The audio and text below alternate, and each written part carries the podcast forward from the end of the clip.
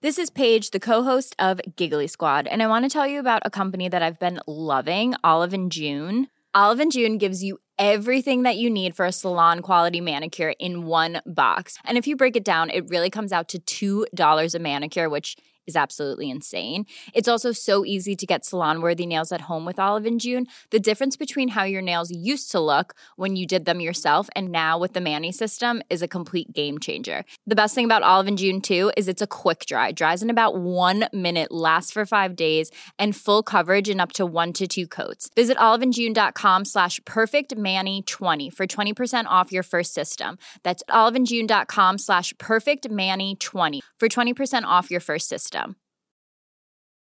Hey, I'm Ryan Reynolds. At Mint Mobile, we like to do the opposite of what Big Wireless does. They charge you a lot, we charge you a little. So naturally, when they announced they'd be raising their prices due to inflation, we decided to deflate our prices due to not hating you. That's right. We're cutting the price of Mint Unlimited from $30 a month to just $15 a month. Give it a try at mintmobile.com slash switch. $45 upfront for three months plus taxes and fees. Promo for new customers for limited time. Unlimited more than 40 gigabytes per month. Slows. Full terms at mintmobile.com. Here's a cool fact a crocodile can't stick out its tongue. Another cool fact you can get short term health insurance for a month or just under a year in some states. United Healthcare short term insurance plans are designed for people who are between jobs, coming off their parents' plan, or turning a side hustle into a full time gig. Underwritten by Golden Rule Insurance Company, they offer flexible, budget friendly coverage with access to a nationwide network of doctors and hospitals. Get more cool facts about United Healthcare short term plans at uh1.com. Var får jag hitta Fall Guys på Steam? Du söker på Sö- Fall Sök i shoppen. Store. Om du har den säkert på svenska också, din sjuk jävel. Ja. Vad heter det Alltså- då? Butik? Affär? Köp här, Henrik. Jag vet inte vad fan det heter på svenska. Vem har har väl- någonting på svenska på datorn? Nej, fan vilken jävla cancer. Ultimate Knockdown. Här, ja. Nu händer det. Den köper Fan vad jag ska lära. Kan, Måste jag gå och hämta min plånbok nu eller? Ja, jag blir rasande. Ja, alltså. Eh, men eh, då, då kan vi ju börja med att säga att vi någon gång nästa helg, visst sa vi så? Nästa helg ska vi Ja. streama lite Fall Guys. Tänkte eventuellt komma till dig nästa helg. Jaha, vad ska du göra här? Streama Fall Guys. Streama Fall Guys till. Ja, ja visst. Ja, Okej, ja, då vet man det. Mm. Men det är inte därför vi är här. Vi ska spela Fall Guys nästa helg. Vi ska streama detta. Ehm, tyvärr så, på grund av olika omständigheter, så jag har ingen webbkamera längre. Däremot så har Henrik en ganska bra webbkamera nu. Det är min webbkamera. Ehm, jag har också köpt en bra webbkamera till Sanna som borde komma fram under nästa vecka. Idag är det fredagen den 21 augusti. Um, och så har jag köpt en ännu lite bättre webbkamera till mig själv. Jävla eftersom jag kul. är vd. Ja. Uh, ja, men det var ju för att jag lovade ju under förra livestreamen att nästa gång då blir det 4K. Så nu är det 4K. Det var ni som ville det här. Mm. Eh, men den kommer i början av september eller i mitten av september. Så när vi streamar då kommer det vara bild, bra bild på både Sanna och Henrik. Ingen bild på mig. Det låter Perfekt. Ja, det är skönt. Ja, men nu är det så här. Kan du inte låna en webbkamera av din rummis? Eh, jag tror inte hon har någon. Jag kanske kan ta en från jobbet i och för sig. Ja, Tror kan vi du har, tror vi har Till någon exempel. Mm. Jag vet inte, jag hatar webbkameror. Du får ju vara lite lösningsorienterad Axel. Mm. Oj, Sanna. Sätt dig ner alltså. Fy fan. Alltså, jag orkar inte ens bråka med dig. Alltså jävla migrän, det finns inte ens. Jag tycker att du är en kuk och så kan vi lämna det där. Så. Ja, perfekt.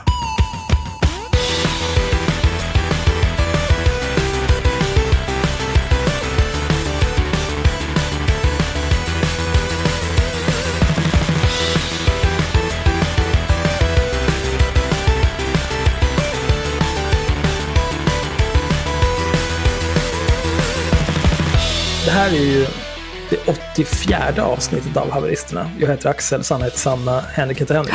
Åh, oh, wow! Va? Jag var inte sist. Nej, men jag tänkte, eftersom du har migrän idag och det är lite synd om dig, så tänkte Tack. jag ge lite bussig. Tack. Ja. tack. Eh, men jag, det, vi har inget ämne idag som anspelar på 1984. Men vi får ju försöka knyta an dem sådär ju.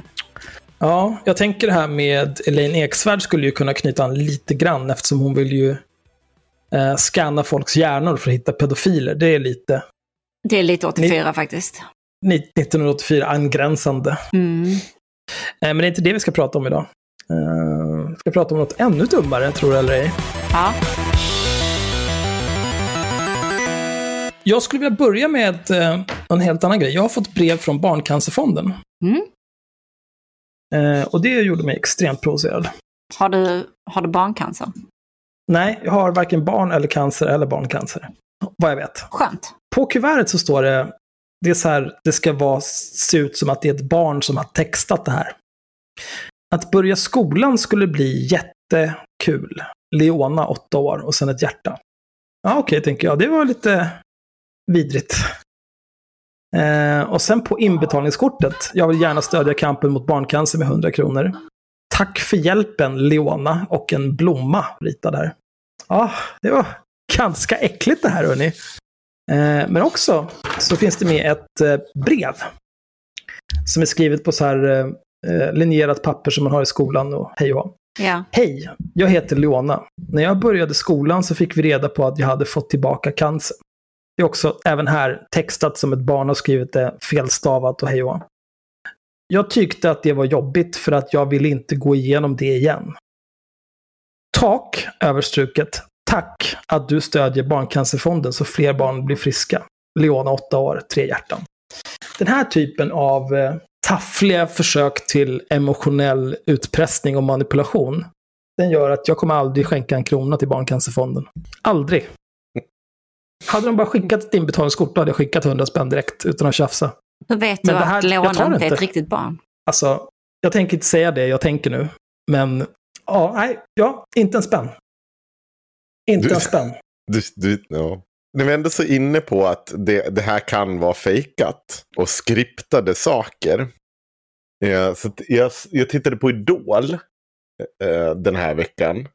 Oj. Och då tänkte jag på det så här, nu har de ju något, ja, det det här är är ett ju inte mitt fa- självskadebeteende som heter Ja, bug alltså. det här är inte mitt favoritämne. Men jag vill bara påminna folk om att just nu, så Idol det här året är ju inte som alla andra år där folk står i kö där och de kommer på några audition. Och man vet ju att det är skriptat. De släpar ju in någon stackare där som sjunger skitdåligt för att de ska kunna skämma ut den i nationell tv. Där hoppas jag att de flesta förstår att det är så det går till. Alltså, de- gör det avsiktligt för att det ska bli bra tv. Alltså det är ju, Ja. det är ju eh, två auditions som man åker till Idol. Ja, Först gör vi det typ något liksom för- bakom stängda dörrar och där Ja. får ju de som är bra och de som är pinsamma gå vidare till själva tv-auditionen. Precis. Men i år, då får man Mm. skicka in sina bidrag. Så nu Ja, men har det de har man alltså... fått eh, andra år också. Man har fått nominera folk och... Jo, jo, men nu är ju alla så. Nu ska ju alla... Men det är väl för coronan. Ja, Ah, precis. okej, alla ja. skickar in. Tänk dig då att det sitter någon där som bara, åh fy fan vad dåligt det här. Det är visserligen samma som tidigare, men ändå, det känns ändå så lite taskigare att så här, liva upp hoppet på de här stackarna.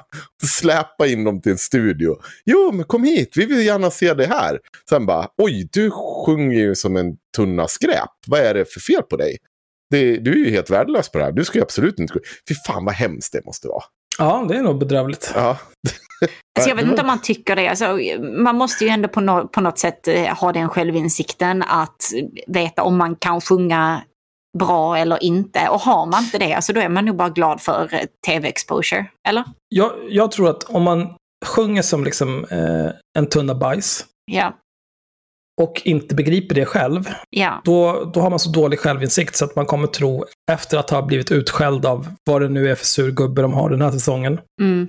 så kommer man tänka så här, nej men han, han har ju fel, han, han vet ju ingenting, de kan ju ingenting. Absolut, och då får de något är- litet tantrum som också är bra tv liksom. Ja. Ja, Mm. Och så var det bra så. Men det är ju... man kan ju eh, göra karriär på att sjunga dåligt också. Ja, men det är ju en väldigt konstig grej att liksom eh, utnyttja att folk helt saknar självinsikt och är talanglösa. Men är inte typ alla tv-program det? Vi pratade ju Ja. precis nu innan vi spelade in om att jag var taggad på en ny Paradise Hotel-säsong. Och det är väl är också ju- att folk totalt saknar självinsikt. Bara är för dumma för sitt eget bästa.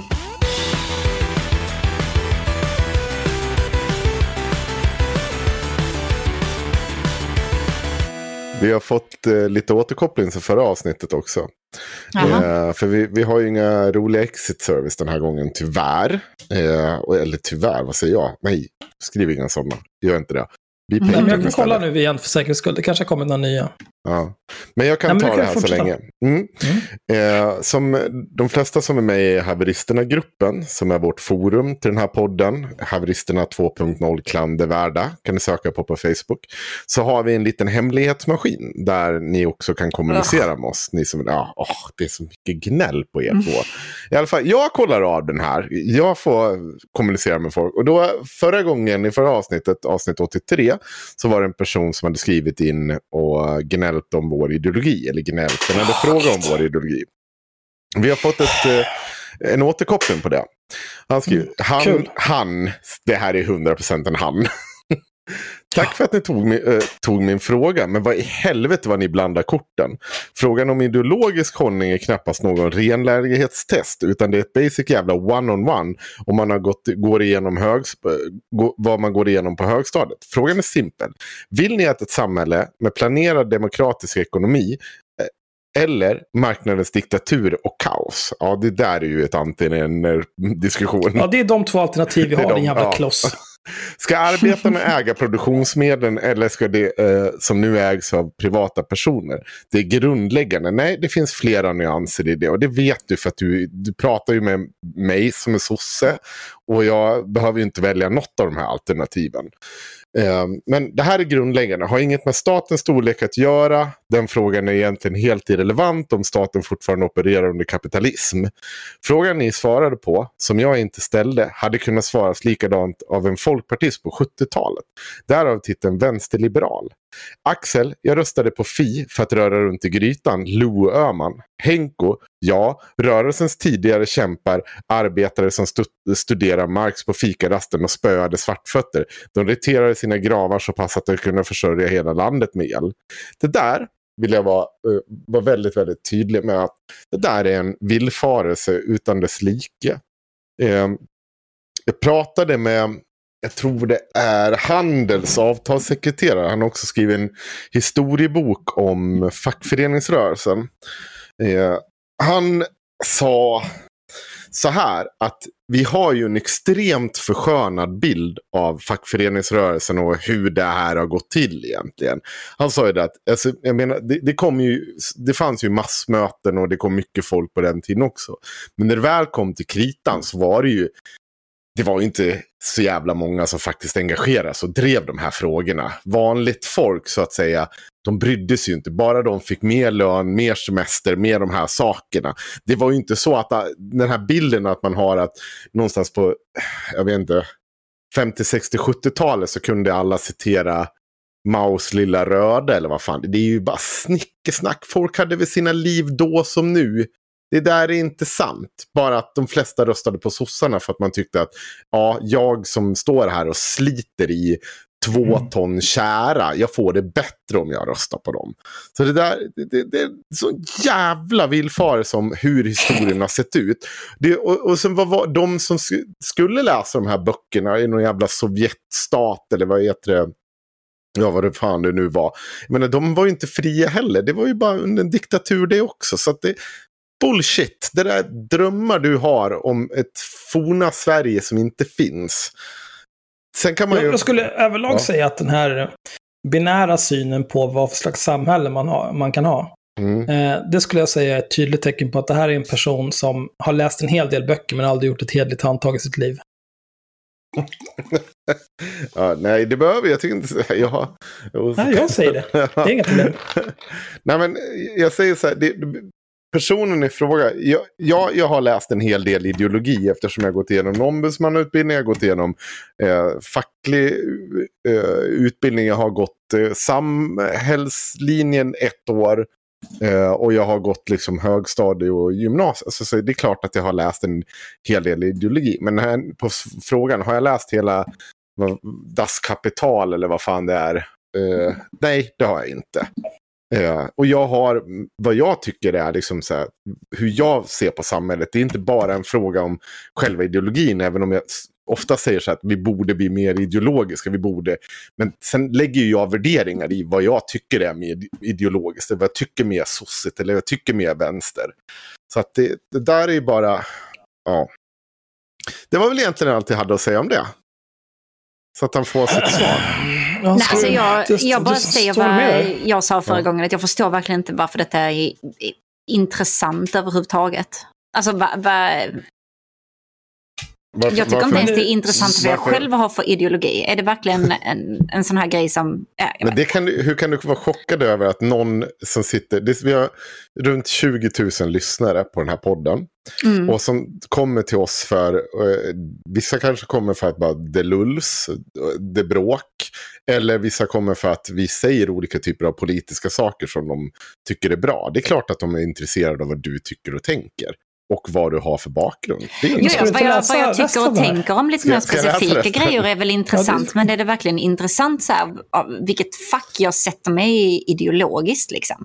Det betyder inte att Jo, jag men- måste hålla med om allting som är, alltså så här, det, det bara, Jag tror att ja jag vet inte. vissa kanske finns- krä, kräver en varudeklaration. Axel, förlåt. Ja, ja, ja, nej, men precis vad jag tänkte säga. Det finns folk som inte kan...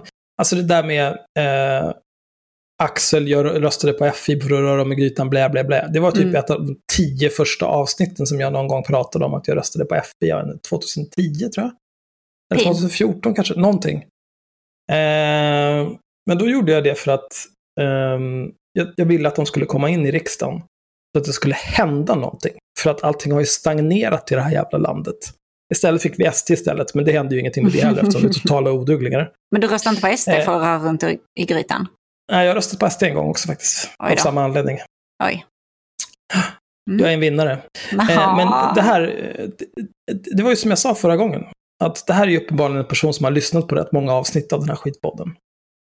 Och att då behöva liksom så här, men vad tycker ni om det här visa vi de facto penis? Det är ju du är för dum i huvudet. Om du inte vet vad vi står ideologiskt efter att ha lyssnat på så här mycket av podden, då föreslår jag att du gröper ut din egen hjärna och kastar den rätt i sjön, för den är skräp. Ja. Jag, jag är inte intresserad av att sätta, mig, eller sätta en sån stämpel på mig själv i alla fall. Jag kanske ångrar mig, jag kanske är lite flytande, jag vet inte. Jag Ja, känner men inte läs, att jag är... läs det sista nu, Henrik. Ja, okej. Vänta då. Jag bara fixa till.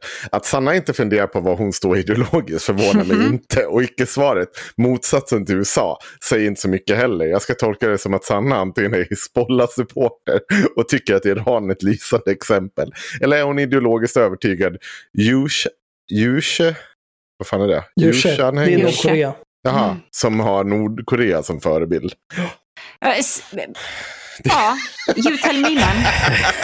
Vad tycker du att jag är? Tycker du att jag har framfört sådana åsikter att jag skulle passa in på något av de exemplen? För det är tydligen, om man inte har funderat på sin ideologi, så, så är man Hizbollah eller Jusha-anhängare. Det är liksom det, är det man är. Det finns inget Ja, det annat. finns ingen kontext. Det går inte att dra några egna slutsatser om någonting som har sagts i den här podden. Utan Nej, nej, gud. Kan jag snälla få en manual till hur jag ska förhålla mig till det här? Jag är tappad. Nej, men eh, ja. Nej. Jag tycker jag är vänster. Om den här skräpmänniskan skriver in igen så vill inte jag höra om det. Ja, okej.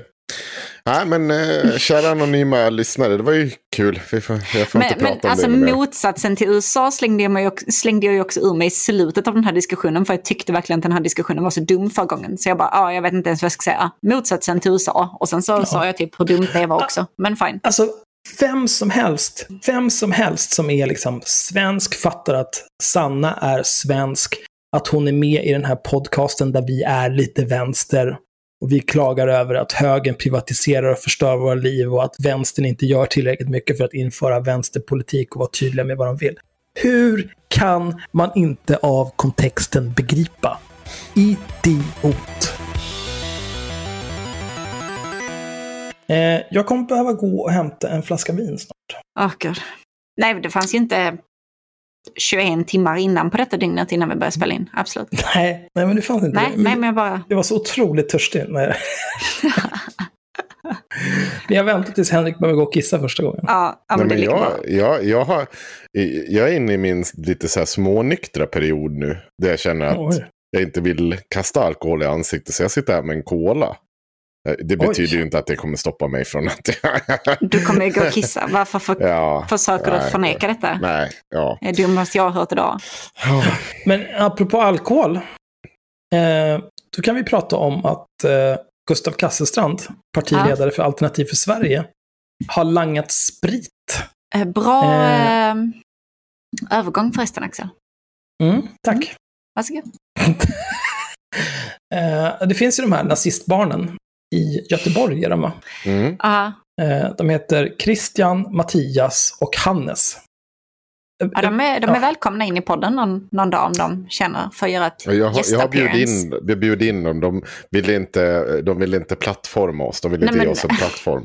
Men de är typ 12, det är klart de är De vill livrädda. inte plattforma oss. Snälla. De har väl aldrig hört en Sa vuxen vi- människa säga könsord hela... Han har 2000 Sina dagar. följare på Twitter. Vem är du ens? Vem är du ens, gubben? Snälla, sätt dig. Åh! Åh! Jag kräks alltså. Ja. Folk får... Ah, nej, det är bara rätt ut i rymden med alla de här människorna. Hur många följare har jag på Twitter? Jag har ingen aning. Hur, se, hur ser man det? Jag Oj, vet jag, fick inte. så här get Jag- started nu. Oj, hoppsan. Jag är så jävla ofta inne på Twitter. Åh, gud. Ja, men den här jävla Christian, eh, AFS Christian på Twitter, följ honom så blir han glad. Han kanske kommer över 2000, han har 1996 nu. Fixar så han får 2000 följare så blir han glad. Då har han en tiondel så många som vi har. Fittunge. Perfekt. Han har lagt upp en bild i alla fall på när han har fått eh, en flaska Gula Änkan. Och så skriver han tack at Gustav Kassel, Gustav Kasselstrand då. Och då svarar Gustav Kasselstrand, varsågod, spara den till nästa framgång. Gula Änkan, min favoritchampagne, för att du är fattig. Sara Leander, svensk världsstjärna före din och min tid, sjunger till och med om den i sin tolkning av Berliner luft, sekelskiftets luft på svenska. Eh, och det här är ju, av det här kan man ju utröna att Christian har fått den här flaskan Gula Änkan av Gustav Kasselstrand.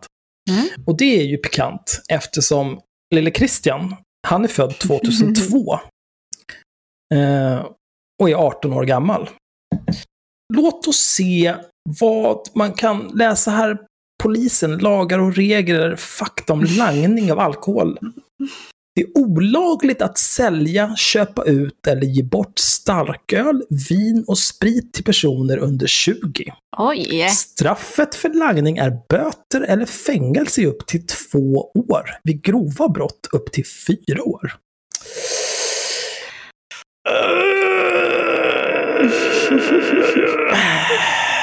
Ja, det är trist.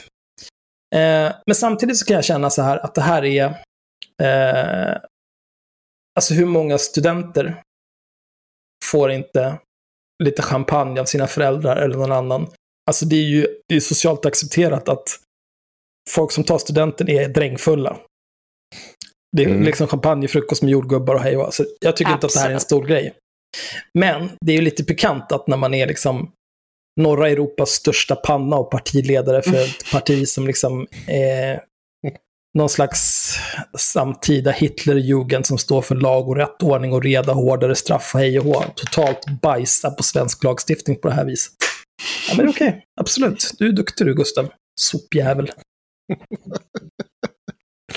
Vad Oj. är det med dig och hans jävla panna?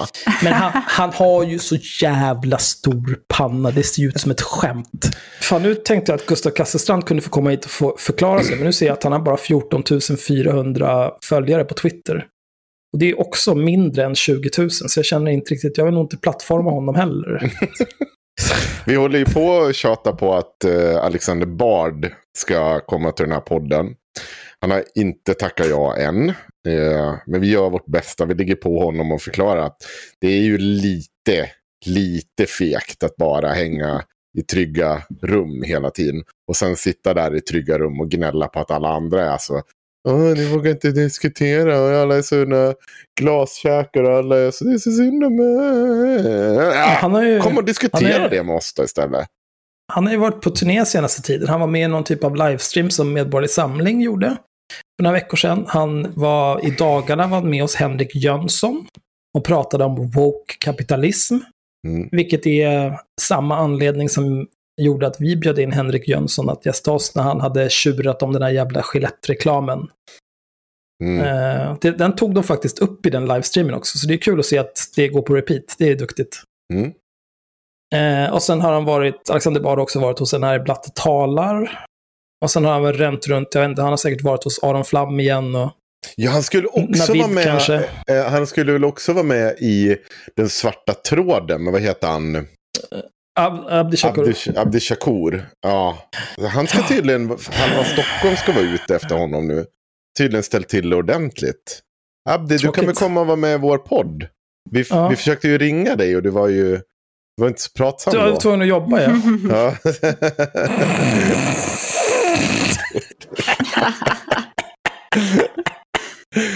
Åh, gud. Hur går det med Ja, Martin men, Fredriksson-avsnittet förresten? Kommer det någonsin komma ut? Eller hur, hur är det, Abdi? Kommer det någonting? På tal om det, Martin Fredriksson ska vara med i vår podd också. Det ska Ja, bli kul. kul. Mm. Eh, ja, nej, men överlag. Och Alexander Bard ska också vara med i vår podd om han någonsin växer upp och tar sig samman och väljer att kanske eh, delta i sammanhang där det inte bara handlar om att man lägger en ormgrop och gurgla varandras pungar i två timmar för att man tycker så jävla lika. Mm. Och för er som inte vet vem Martin Fredriksson är så är han en av de som var med och faktiskt eh, skrev The Pirate Bay. Har varit med i AFA.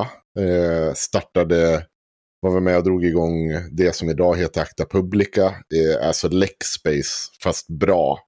Och för journalister. Så det finns nog en hel del att prata med Martin om. Och idag är han en samhällsnärande egenföretagare. Ja, Mm, mm, mm. Samhällets bästa människor. mm. och full disclosure så sitter du med i hans bolag också. Så, Ja, och han sitter med i mitt. ja. Ja, det är inga konstigheter. Hur Ingen var det här med punggooglingen med likasinnade i poddar? Ja, vad fan, man behöver en styrelsesuppleant. Vad vad, vad är det här för någonting vi har tagit in? Någon som bara sitter och klankar ner på oss? Vad är det här för jävla... Ah, Som kommer här och påpekar när vi hycklar. Vad, vad är det för jävla sätt? det är därför jag är här. Jag är här för att vakta er när ni kvinnohatar och för att kala er när ni punggooglar. Ja, Mm. Det är bra, bra att någon gör det. Vill du ta någonting nu, Sanna? Nej, Men Sanna, jag har så mycket migrän. Jag vill bara, bara Mm, du, ta kommer inte, du, du, du kommer inte undan. Då får du tänka tills vi... Då, då kan man, Axel kan börja. jag kan börja. Men du kanske vill prata om, du har ju blivit utsatt för en oförrätt, Sanna. Ah, jag har blivit utsatt för en oförrätt. Aldrig i mitt liv har det här hänt mig tidigare. Men jag har fan blivit blockad på Instagram. Det har aldrig hänt. Jag har aldrig i mitt liv varit blockad av någon och så blockar de mig på Instagram. Hallå? Ja, hallå? Vem fan tror ni att ni är? Kom ni här och blocka mig? Och det värsta är att det är det Peter och Nina Rung som har blockat mig. Vad fan? Här kommer jag ställa en enkel fråga om de vaccinerar sina barn eller inte. Och sen så blir jag blockad. S- 16 veckor senare för att jag är med i den här podden. Ja. Hallå? Nej, alltså jag, jag, jag var så upprörd. Jag är så Ja, upprörd det- nu. Jag börjar faktiskt svettas nu när vi tog upp det. Jag är så himla, Mm. jag är så himla ledsen. Du det hade väl aldrig hänt. fråg, det var väl någonting om att Nina Rung ville eh, sätta hårdare tag mot föräldrar som misskötte sina barn. Då frågade du om de vaccinerar sina barn. Du, och det ett ville de inte svara ögonblick på. så ska jag leta upp vad tusan vad jag skrev till dem. För jag skrev till dem båda. Ingen av dem svarade. Nej, vänta här nu. konstigt det där. Jo, jo Ett- Peter Rung sa faktiskt, jag skrev så här, hej, jag har läst lite av det Nina har skrivit om barnens säkerhet och skydd ska stå över föräldrars rätt till sina barn. Jag undrar hur ni ser på att, eventuellt införa någon typ av krav på att föräldrar eh, ska följa det allmänna vaccinationsprogrammet med motiveringen att det skulle riskera sina eller andra barns hälsa om de låter bli att vaccinera. Då svarar Peter, intressant fråga, det får vi ta framöver. Och sen en så här fist-emoji. Mm. Det, det, har, det, har, det har inte kommit någonting framöver. Undrar varför Nej, inte? sen blev jag Jag blockad blir 16 veckor senare. otroligt nyfiken på varför det inte har kommit någonting framöver. Där. Och varför vill han fista dig? Jag vet inte. Men ja, nu är jag blockad. Och jag, Ja. ja. det måste ju vara för att Ha. vi nämnde deras poddar i mitt första avsnitt när jag var vikarie. Så nu får inte jag lov att följa dem på Insta längre. Framförallt så gjorde vi reklam för din Instagram där. Så att följ Sanna så får ni se Mammisgram. Olika barn. Olika barn. Ja, det, är, det är bara mina barn. Det är inte så mycket Ja. andras barn. Inte barnen ute på gården som du går och skäller ut. Nej, men alltså du. Jag var tvungen att hugga till på han, han ungen igen. Nej, ehm, Han som skulle bli Han. visad fitta. Okej. Jag, kall, jag kallar honom spottungen nu, för han stod här på parkeringen på andra sidan vårt hus. Liksom. Och så började han bråka med några jävla andra småkillar. Han skulle ta deras vattenpistoler eller någonting. Och så, så fick han inte det och då började han spotta på den här stackars lilla barnet som han skulle stjäla vattenpistolen av. Och då behöver jag ju bli en sån här mammi som du vet ställer mig på balkongen och bara Hallå! Gå därifrån för fan! Vad fan gör du? Och eh, det gick han ju, men Men äh, Sanna, varför står du och övervakar den här, det här barnet?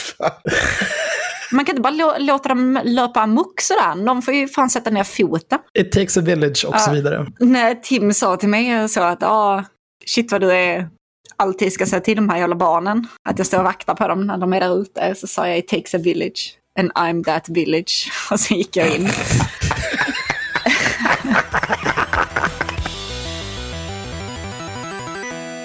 En annan grej som har hänt på Twitter, förutom att Gustav Kasselstrand, norra Europas största panna, har langat Mm. sprit, är att eh, snyggkocken, Greger 17 Greger på Twitter, eh, har skrivit om eh, någonting som Ingrid Carlqvist skrev för länge sedan, tror jag.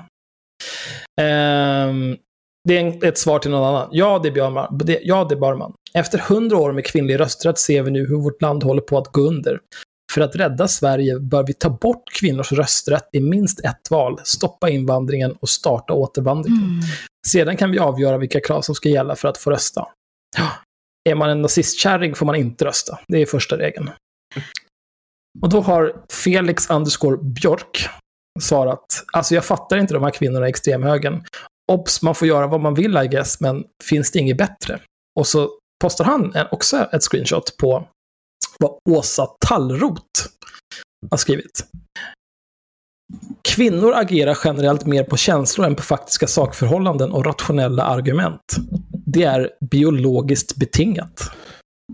Jag vill- Spännande. Jag vill bara betona att det här är exakt det eh, Muslimska brödraskapet säger sin, eh, i sin, sina skrifter om varför kvinnor inte ska få eh, skilja sig på samma sätt som män. Men det är bara det är för att de är så känslosamma, va- känslosamma varelser. Oj. Mm. Ja. Men då är det någon hjälte här på Twitter. Eh, han med ansiktet. At Diggus Bickus 42. Ja, Så, så, honom känner jag. du känner honom? Ja? Ja. Okej. Då har han skrivit, fan så dumt. Att Åsa Tallroth, är du verkligen så här jävla dum? Förklara dig är du snäll. Och då svarar Åsa Tallroth. Åsa Tallroth är för övrigt förste vice ordförande Medborgerlig Samling samt ordförande för Medborgerlig Samling i Södermanland. Hon har också skrivit att hon är inte en inkvotering i sin Twitter-bio. Oj. Alltså måste Kan- man skriva det så är man det. Ja, det, alltså. Men, mm. men hon har lite... Eh, hon är ganska fierce på Twitter ändå. Här. Då svarar hon, eh, Tim. Det var för jobbigt att googla själv. Du tog bara första bästa chansen att vara otrevlig. Här får du en länk. Be någon att översätta den åt dig, alternativt förklara med bilder. Sen får du be någon att hjälpa dig med internet om du har fler frågor. Och det här är bra alltså. Det här är mycket bra. Eh, då har ju såklart, eftersom Tim har för mycket fritid, så har han ju, då skrev, svarar han så här.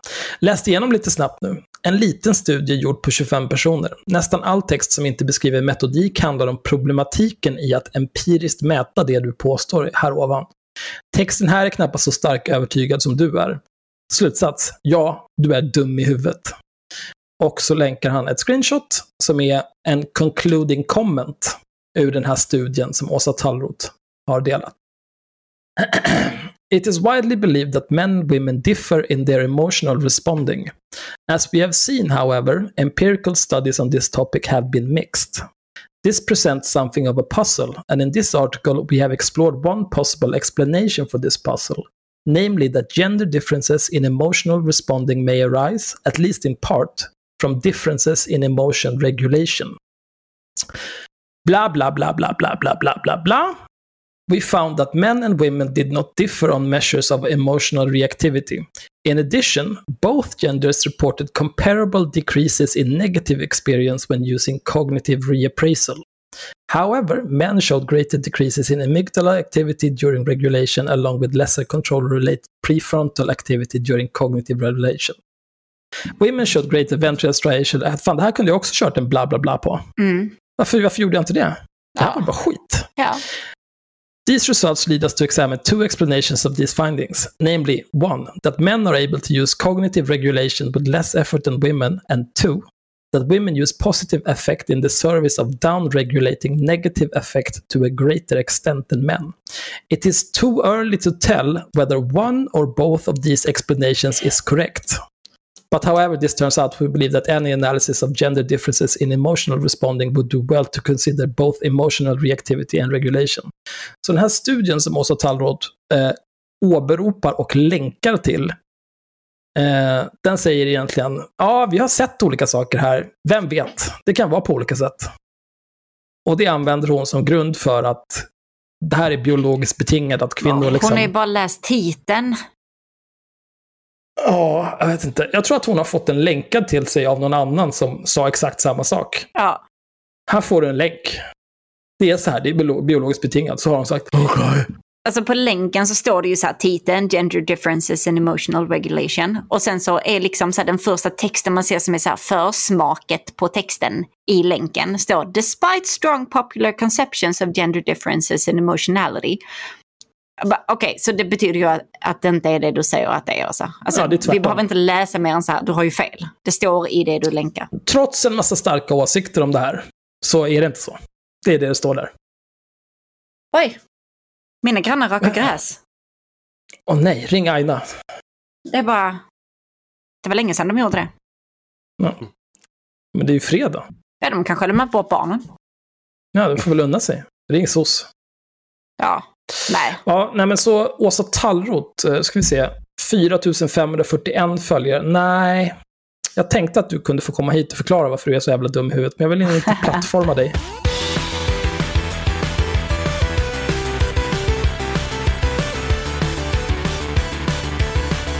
Nej, men det står inte ut. Nu tänker jag hämta ett glas vin. Eller en flaska vin, men jag, jag, är, jag är vuxen. Jag kommer strax. Här sitter vi och väntar. Kan jag, vi kan göra en snabbis, en riktig snabbis nu. Eh, Björn Ja. Ranelid, eh, han har skrivit om sig själv den 6 augusti. Jag vill Imorgon. verkligen tro att vi pratade om detta på livestreamen. Ah, ja. Ja, vi, vi, jag- vi mm, kör. kör vi behöver pausmusik. Imorgon, fredag den 7 augusti år 2020, ger Albert Bonniers förlag ut min 37 bok. Det är en roman, en roman med titeln Bill Nilssons sista vita skjorta. Den romanen har allt som saknas i de flesta, i de flesta svenska detektiv och spännings och polisromanerna. Nämligen ett litterärt språk av högsta dignitet som jag är ensam om och gri- gripande och unika personskildringar. Och vänta, får jag gissa vilket ämne det här är? Ja, gissa. Är det Ranelid hyllar Det sig är själv? klart att det är. Eh, nu ska vi se. Den 9 augusti står en lång intervju med mig i Aftonbladet och vidare kommer reportage om mig i boken eh, i, om mig och boken i ICA-Kuriren, Kuriren, Sköna Hem och Hemmets Journal senare i augusti i år. Även andra intervjuer infaller snart. Den 8 augusti blir jag intervjuad av P4 Extra som kan, eh, som kan ha upp mot en miljon lyssnare. Det vill säga långt ifrån fler vad nästan alla världarna i programmet Sommar har. Läs romanen Bill Nilssons sista vita skjorta och jag lovar er att ni, blir, att ni inte blir besvikna.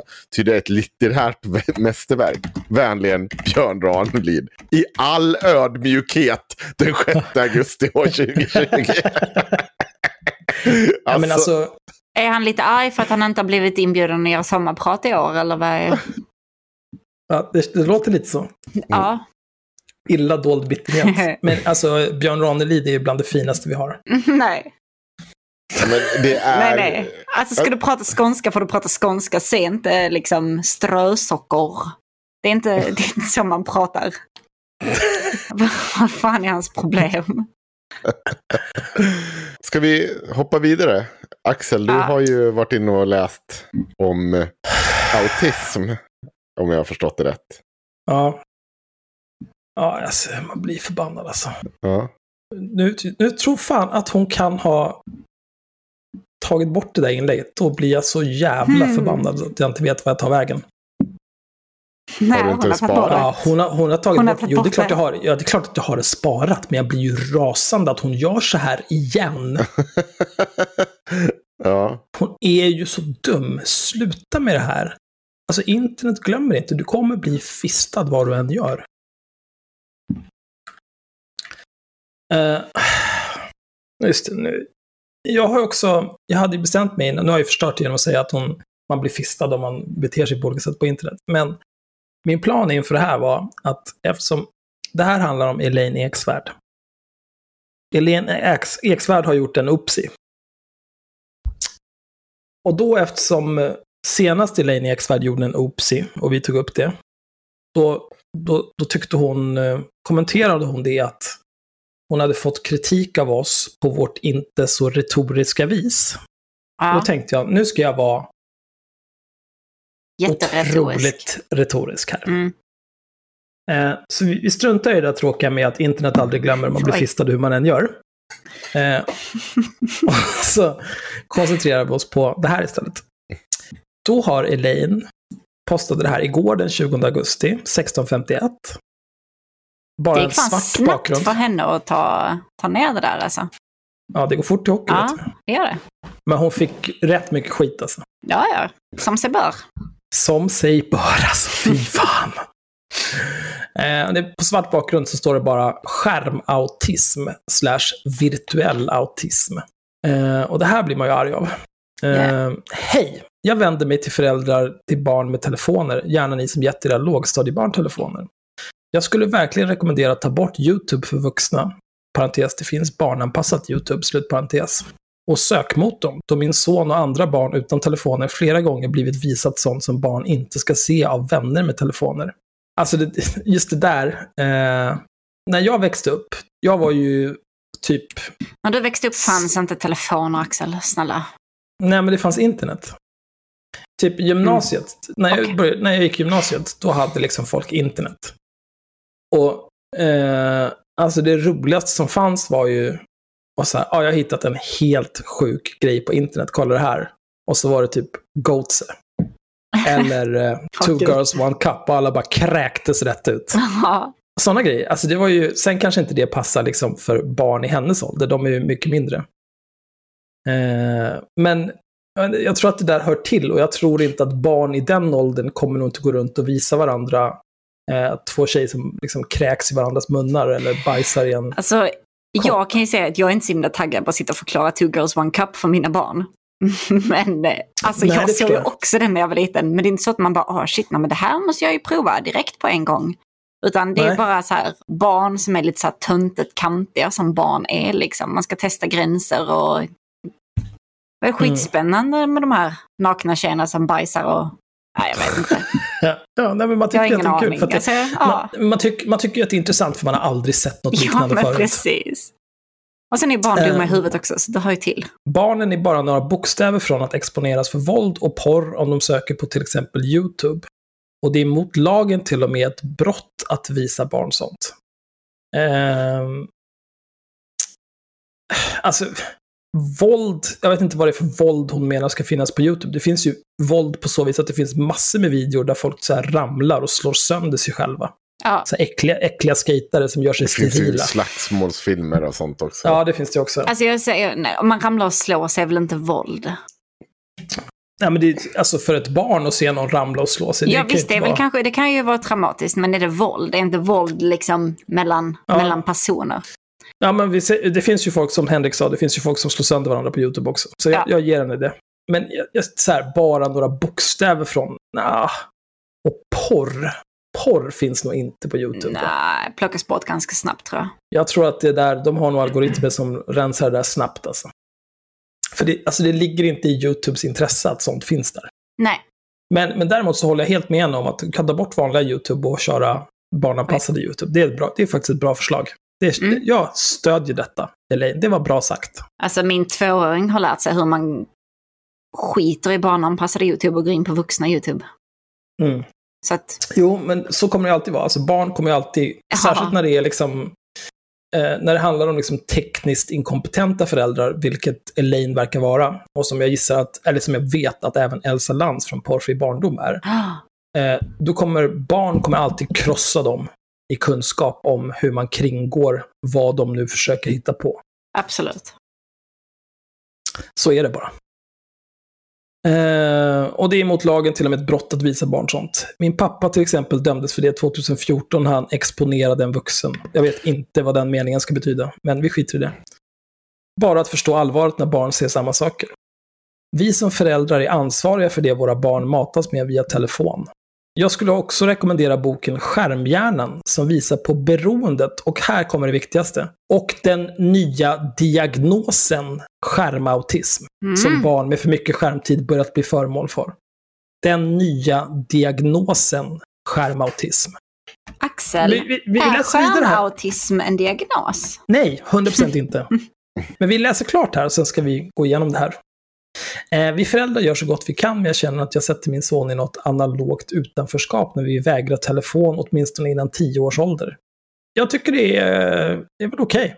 Eh, Behöver ett barn under 10 en egen telefon? Nej, inte nödvändigtvis nej.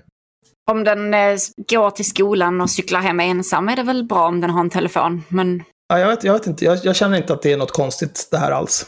Så återigen, Elaine, det är inga konstigheter. Jag tror inte att du sätter din, son i något analogt utanförskap när han inte får en mobil förrän han har fyllt 10. Jag, är- jag är okej med det. ja, Vet inte om ni är fler som håller med. Jag håller med Elaine. Men håller tummarna för att barn kan få leka ett tag till innan de skärmar av sig. Ah! Här hittar ni boken Skärmhjärnan. Jag kanske är gammalmodig, men jag håller tummarna för ett älvsjö fullt av lekande barn blandat med de telefonzombies som vi andra utgör. Ni är bra föräldrar, kom ihåg det, och vi alla gör så gott vi kan. Tänker om telefonen är räddningen för all stress i vardagen så kanske vi kan använda telefonerna klokt som jag föreslår ovan. Du gav inga riktiga förslag. Du, ta bort vuxna YouTube och ha barn-YouTube. Och ta bort eh, webbläsaren. Ja, okej. Ja, ja, okej. Nej, men jag ger dig det, Elaine. Det var kloka förslag. Jag, jag ger dig det. Jag ger dig det. Fan vad jag är godhjärtad idag alltså. alltså. Mi- Mina småsyskon är 9 och 10 och de bor i Falsterbo. Så att de är ju Ja. bland Sveriges mest privade barn. Eh, och de har väl haft telefonen nu i två år eller någonting. Och Ja, Okej, min lillebror som nu är 10, han kan väl bli lite så, mm, jag vill hellre spela Fortnite, ni vet, än att, jag vet inte, gå ut och sparka boll eller någonting. Men det är ju knappast så att de hoppar över umgås med sina kompisar för att sitta hemma ensamma och glo på YouTube liksom. Alltså det är fortfarande barn, så länge håller de inte fokus på en grej, utan det är roligare att gå ut och träffa sina kompisar liksom. Om något Ja, så är det ju att 100%. telefonerna är en hjälp i det här, liksom, att de får lov att gå ut och... Eller de kan ringa sina kompisar fritt så här, istället för att vet, behöva ringa hem telefonen och kunna folks telefonnummer utan till och ni vet så måste man prata med någons mamma så får man panik och lägger på och vågar inte ringa igen. Och, Ja. Ni vet den där gamla grejen Och som man sen, gjorde. sen blir de äldre och vill ligga med sin kompis stora syster och så svarar hon och så bara Ja, bajsar men man det på kanske sig. fortfarande händer, det vet jag inte. Alltså man Ja. kanske vill ligga med sin kompis storasyster ändå, men eh, då kan du ju bara ringa hennes nummer direkt istället. Sant. Mm. Bara fråga i gruppchatten som ni är med i allihopa. Ja, precis. Eh, vi ska läsa en till sak eh, som faktiskt är publicerad tidigare. Jag tror att det är bra att vi läser i den här ordningen trots att kronologin blir lite dum. Mm. Eh, men det här Instagram-inlägget som nu är borta publicerades alltså igår den 20 augusti. Mm. är ett blogginlägg, blogginlägg på Ett elaineeksvärd.se. blogg-Elaine. Ett blogginlägg. Eh, det här är publicerat 08.00 den 19 augusti, så jag gissar att det här skrevs den 18 Ja, och så schemalade om det. Att ge barnen telefon och fri tillgång till nätet. Jag måste säga att naiva föräldrar skrämmer mig nästan lika mycket som utsatta barn. Jag blir kontaktad av förtvivlade föräldrar som sett att deras barn googlat efter porr. De har frivilligt gett sina barn telefon och tillgång till både internet och YouTube och så blir de förvånade över att de trillar över barnförbjudet material. Här har jag en kommentar. Eh, mm. jag blir kontaktad av förtvivlade föräldrar som sett att deras barn googlat efter porr. Vad är barn i den här kontexten? ja precis. Är det en treåring eller är det en femtonåring? Alltså jag, jag gissar på att barnet i alla fall kan skriva. För, för jag säga, är det det här ni reagerar över? Jag reagerar över alla de här jävla... Egentligen tror jag ju inte på att det här sker. Men, men om det sker. Alla de här jävla föräldrarna som inte tar, tar hjälp av och stöd av skola, BUP, inte fan vet jag, kurator. Istället, nej vad gör jag? Nej, jag PMar någon på Instagram. Hon säger smarta saker i min vardag så henne ska jag skriva till. För jag är komplett idiot och borde inte få ha barn. Men Henrik, nu är du inte så retorisk. Nej, förlåt, just det. Uh, nej, jag, menar, jag... jag... tycker att det är konstigt att man kontaktar Linnea Claesson uh, för att berätta om alla gånger man har blivit våldtagen och Elaine Eksvärd för att någon har googlat porr i ens familj. Jag tycker det är lite konstigt. Ja. Uh, jag kan känna, det här är valid criticism skulle jag säga. Jag kan känna att um, de här föräldrarna kanske inte är rustade att vara föräldrar om de inte kan prata med sina barn om det här. För att ah. rimligtvis, eh, jag är ju man, så att jag är ju fortfarande någorlunda fertil. Så du är inte förälder tänkte jag säga. ah, okay. Men eh, för kvinnor så, så börjar ju klockan klämtar ju runt 40. Eh, så att rimligtvis så har alla de här föräldrarna, jag gissar att de är lika gamla eller yngre än vad jag är, förmodligen yngre. Då har väl de också vuxit upp med att porr har varit ganska lättillgängligt. Kanske inte på mobilen, men på datorn. Eh, då har väl de en, e- någon typ av egen upplevelse eller erfarenhet, eller de har väl någon kompis, eller de har väl hört någonting, eller någonting. De måste ju kunna ha ett sätt att hantera det här själva. Eh, för jag förstår inte hur man liksom kan bli förtvivlad och direkt kasta sig ut på Instagram, precis som du säger Henrik.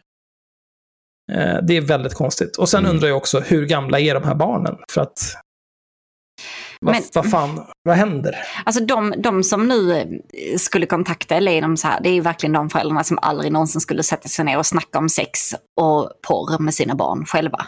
Så de i panik kontaktar henne och bara shit vad ska jag göra, hur ska jag få detta att sluta utan att prata med din unge liksom. Men, men det är väl så jävla naturligt att vara nyfiken på kroppar och sex och porr när man är ett barn.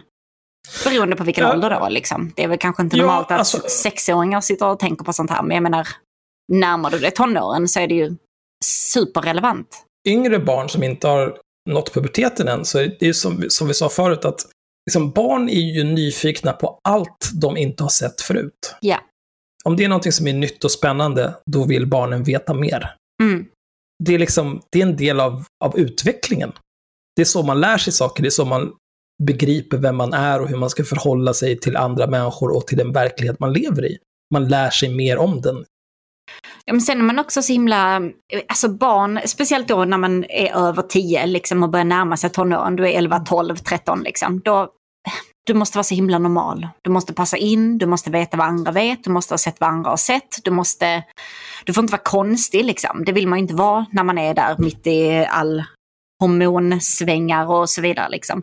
Och då är det väl ganska eh, självklart att man försöker hitta någon som gör någonting liknande som en själv har gjort och så. Det är väl, det är väl därför de här barnen går runt och visar typ two girls one cup för varandra. Bara, har du sett denna? För att om inte du har sett den så är jag jättekonstig som har suttit och tittat på detta. Liksom. Ja.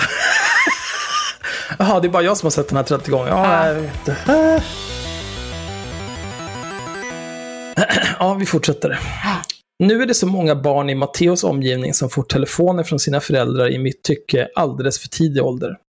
Nästan så att telefonen fungerar som en barnvakt åt barnen. Trots att vi har tagit beslutet att inte ge Matteo telefon så blir han bestraffad på två sätt andra kompisar kan ju visa honom saker han inte ska se. Och han hamnar i ett sorts analogt utanförskap eftersom han ju vill leka med det som ibland är skär... Vill leka med... Jaha, vill leka med de som är... Vad fan? Han ju vill leka med det som ibland är skärmberoende barn. Jag har ingen aning, jag tänker inte försöka dechiffrera det där. För hon det hon pratar ju om att han leker med andra barn som håller på och är skärmberoende.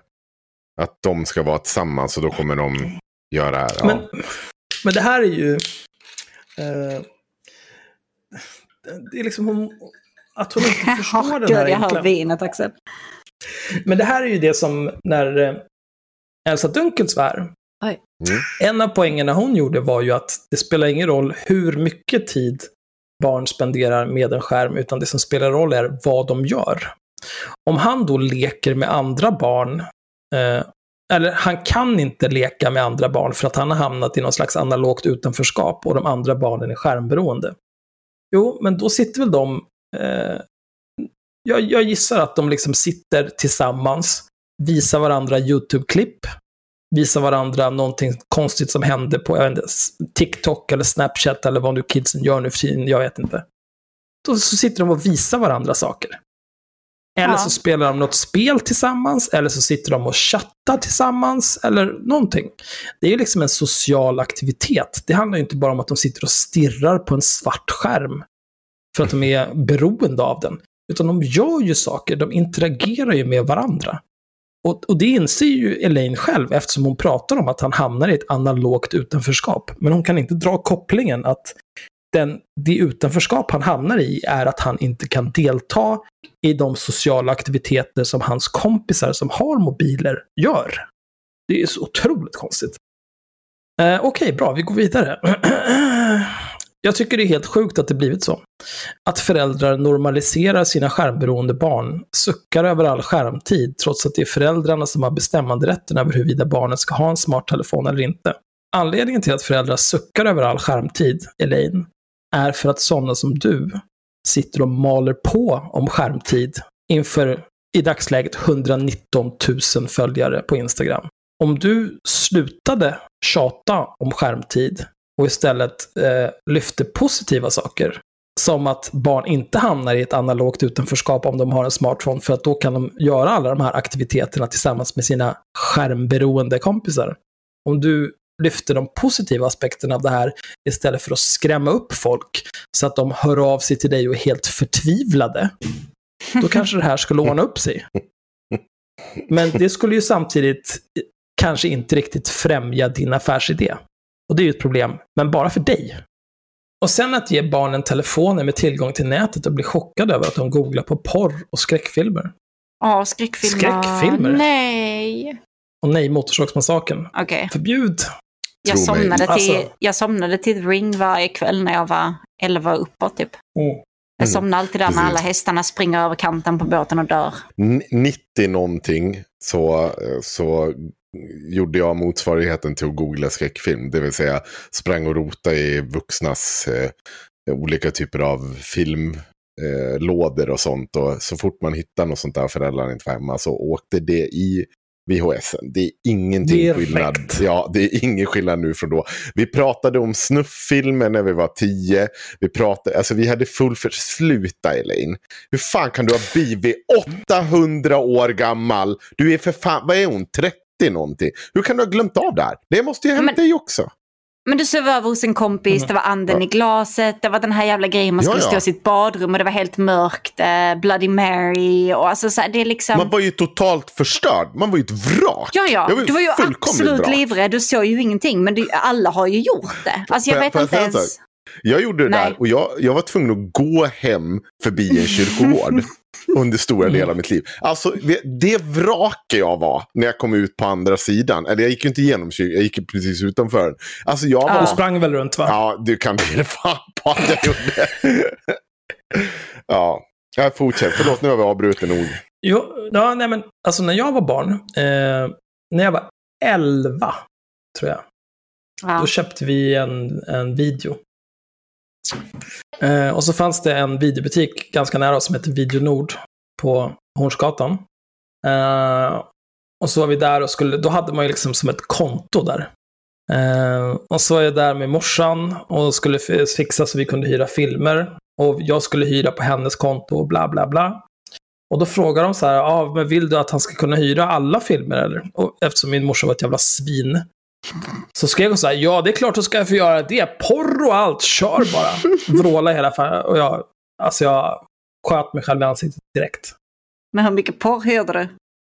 Eh, inte någon alls, för att jag, alltså ska jag gå fram, alltså man var ju tvungen att hämta liksom den tom, det tomma fodralet och gå fram till kassan. Nej, det fanns inte en möjlighet. Däremot så hyrde jag mycket så här dansk gladporr, för jag tänkte så här, men det här är ju riktiga filmer. Vi, det här kommer ingen tycka är något Fan vad dum i huvudet man är när man är barn. Åh, gud, jag måste åka tillbaka dit och spränga den butiken nu. ja. Tror du att den finns kvar? Nej, den finns inte kvar. En videobutik, hur många sådana finns Det var det? 30 år sedan. Ja. Men eh, jag vet inte, vad var jag på väg med det där? Nej, Ja, just det, det var videovåldet. Ja.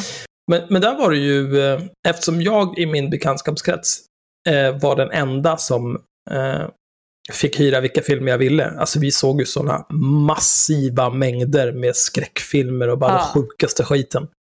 Men det är ju fine. Så satt man liksom och så här skrämde upp varandra och när någon gick på toaletten så ställde sig alla utanför och betedde sig som apor när de kom ut så att alla skrek bara så att, som mistlurar. Ja. Och sen så, så gick man och la sig för att man var helt jävla utmattad efter att ha vrålat så jävla mycket. så var det klart liksom, det var inga konstigheter. Det men det är ju det här som är grejen, det är så här skräckfilm och porren och skärmar. Det är bara, det, det är bara så här vanföreställningar om alla saker som är så skadliga hela jävla tiden. Alltså min, min bonuspappa har ju varit en sån som har bränt filmer, ni vet så fort det gick att ladda ner filmer på nätet typ. En Eh, hjälte. Ja, ja, men och då har det ju liksom alltid varit eh, skräckfilmer, för det är ju det han är mest intresserad av. Så det har vi ju sett med honom liksom. Och alltså jag, jag, jag har sett skräckfilm sen, ja, sen jag var 8, 9, 10 liksom. Och det, det har aldrig varit, det har aldrig varit en grej. Jag har liksom aldrig blivit rädd för en film nu i någon typ av så här, tonårs eller uppåt ålder. Liksom. Det, är bara, det är bara en film. Jag vet inte. Man, så jävla farligt är det inte. Man kan komma över det. Nej.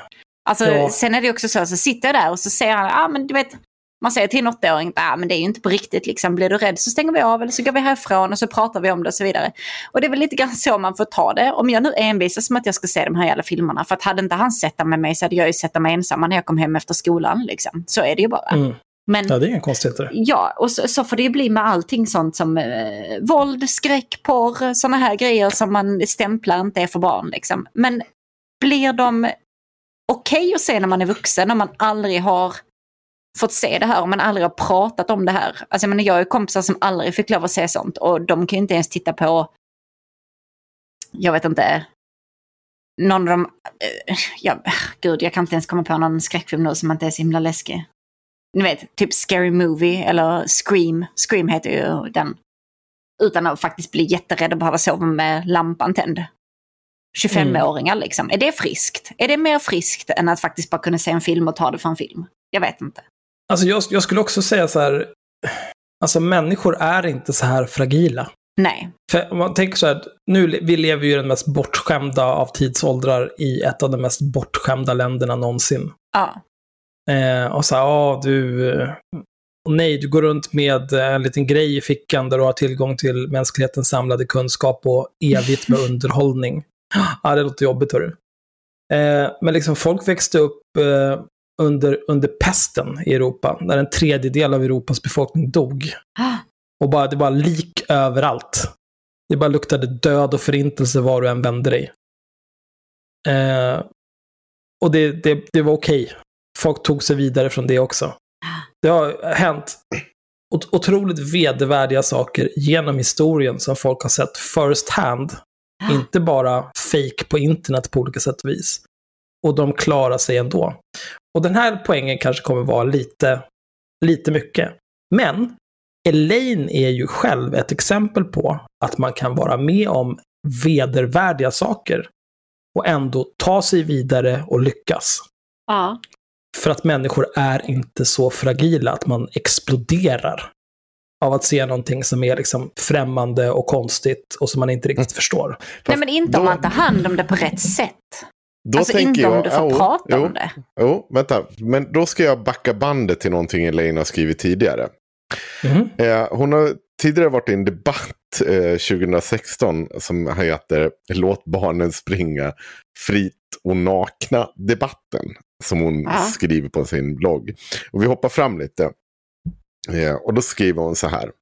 Sova naken med sitt barn? Nej, det tycker jag inte man ska. Någon grundläggande integritet tycker jag att det ska finnas. Vi kanske är extrema, men vi går aldrig nakna hemma. Underkläder absolut, men snoppen och snippan får bo i kalsongerna och trosorna. Barnen springer heller inte omkring nakna hemma. Jag vet att det finns föräldrar som tycker att det, deras barn ska få springa fritt och nakna på sommaren. Våra barn känner sig inte mindre fria med klä, badkläder. Och jag kan tycka att det där frihetsargumentet bara är märkligt. Eh, eh, eh, bara är ett märkligt vuxet argument. Jag har aldrig hört barn vädja om att få vara nakna. För Gustav... Har du träffat ett Ursäkta, barn? det är allt barn gör. ja, de, De, de sliter av sig. kläderna varje chans som får. För Gustav som växte upp i en familj där man har t-shirt vid matbordet trots att det är, eh, det är ute på sommaren på landet så är kläder inte extremt för honom. Det är naturligt. Sen är det klart att vi badar nakna med våra barn och, och det är heller inte så att vi skyler våra kroppar maniskt när vi byter om eller så. Men att gå runt naken bara för att göra det, det gör vi inte. Det är också intressant hur många som blir provocerade av mina regler. Jag tycker inte att jag är överdriven och extrem. Att tre barn i varje klass blir sexuellt utnyttjade är provocerande och extremt. Vad har det med det saken att göra? man får tycka vad man vill och ta de fighter man vill. Jag tog inte av, eh, jag eh, tog inte stånd diskussion fighten för att jag tyckte det var överkänsliga där. Men låt barnen springa nakna. Men i en värld där tre barn i varje klass blir sexuellt utnyttjade så tycker jag att det blir lite märkligt att bråka om huruvida man vill att sina barn ska vara nakna eller inte. Syftar inte på Bella utan den allmänna diskussionen. Jag tycker det är bra att lära barn integritet hemma. För det är de, för det, det som är för det som är regler hemma blir enkel regel utanför hemmet. Plus att barn kan berätta när någon har brutit, eh, barn kan berätta när någon har brutit regeln. Går föräldrar runt nakna hemma så blir det inte så konstigt om andra visar, vuxna visar sina kroppsdelar. Det är naturligt, som min pappa pedofilen brukar säga. Det här är så Oj. dåligt. Elaine, Ja. Nu ska, jag, nu ska jag vara retoriska. Jag vill ju jag vill bara skrika, men jag ska försöka. Eh, om ni vill ha kläder på er när ni är hemma, liksom och så här, det är ju fine. Det är ju bara en preferens. Ni gör precis som ni vill. Vem fan bryr sig? Om någon annan vill gå, kunna gå omkring naken hemma, fucking do it. Vem bryr sig? Det är ditt hem, gör vad du vill. Alltså jag Men- tycker man är sjuk i huvudet om man har kläder på sig hemma. Men går de omkring naken mycket? Väldigt mycket. Ibland hinner jag inte Jaha. ens in från trapphuset innan jag tagit av mig kläderna. Alltså, på riktigt, det finns ju ingen... Nej, fy fan. Skulle aldrig drömma om att ha kläder på mig hemma.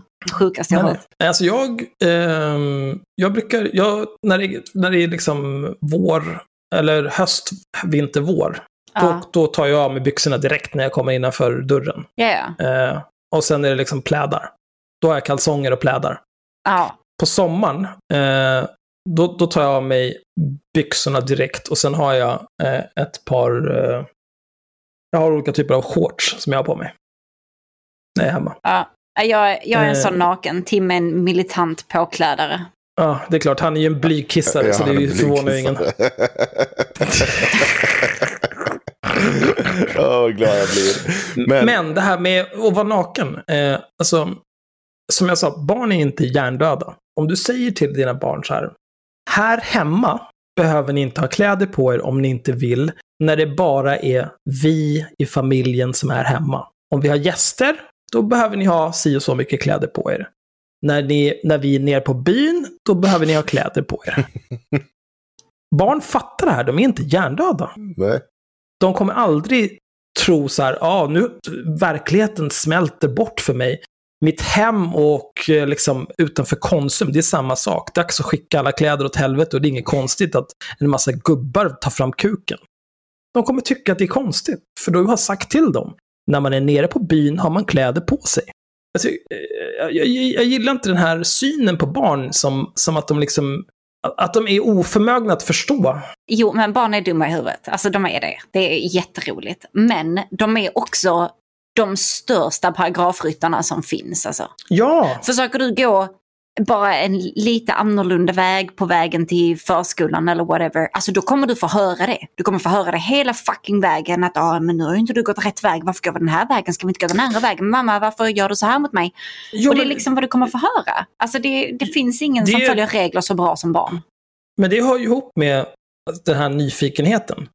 Om du gör någonting som avviker från vad de har lärt sig att man ska göra, då Ja. vill ju de veta varför. Ja, Så att precis. de kan anpassa sig så här, i vilka Ah. lägen ska jag göra så här? Mm. Det är för att de vill lära sig om den värld de lever i och vilka regler som gäller. Det är ju liksom, det är en överlevnadstaktik. Ja, det är skitbra. Ja, det är asbra. Uh, så jag tycker du ska lita mer på barn, Elaine. Det, det är min takeaway av det här. Barn är inte dumma. Uh, uh, och sen är ju barnen telefoner med tillgång till nätet blir chockade över att de googlar porr och skräckfilmer. Har de så fruktansvärt har de fruktansvärt otur i att se att ansvaret och skulden är deras. Mm, ja, jo, ah, nej, jag tänker inte ens. Fatta vilka porrskadade generationer det kommer finnas i framtiden när åttaåringar hjärntvättas att tro att övergrepp och våld mot kvinnor är sex, så som porrindustrin ser ut idag. Hur mycket porr behöver en åttaåring titta på för att hjärntvättas till att tro det här? Nej, jag vet inte. Hur många åttaåringar tittar på porr och tänker mm, ja, men det här är nog normalt? Nej, men det är också, alltså, jag tror inte en åttaåring begriper vad de tittar på. Nej, nej. För det första är det ju det. För det andra så kommer det ju vara så här, vad äckligt. Ni vet, det är ju mm, tjej och pojkbaciller, det är ju... Mm. Man, man får inte ens lov att pussas framför barn utan att det blir liksom värsta grejen. Mm. Ja, precis. En åttaåring kommer inte sitta där och titta på porr och bara mm, nej, men det här, det här ser ändå nice ut, strypsex och fogskum liksom. Det kommer inte hända. Ja, nej, det blir inga åttaåringar med kuken framme där. Nej, gud nej. De kommer krypa upp och inte komma ut från de är 14, det kan jag säga.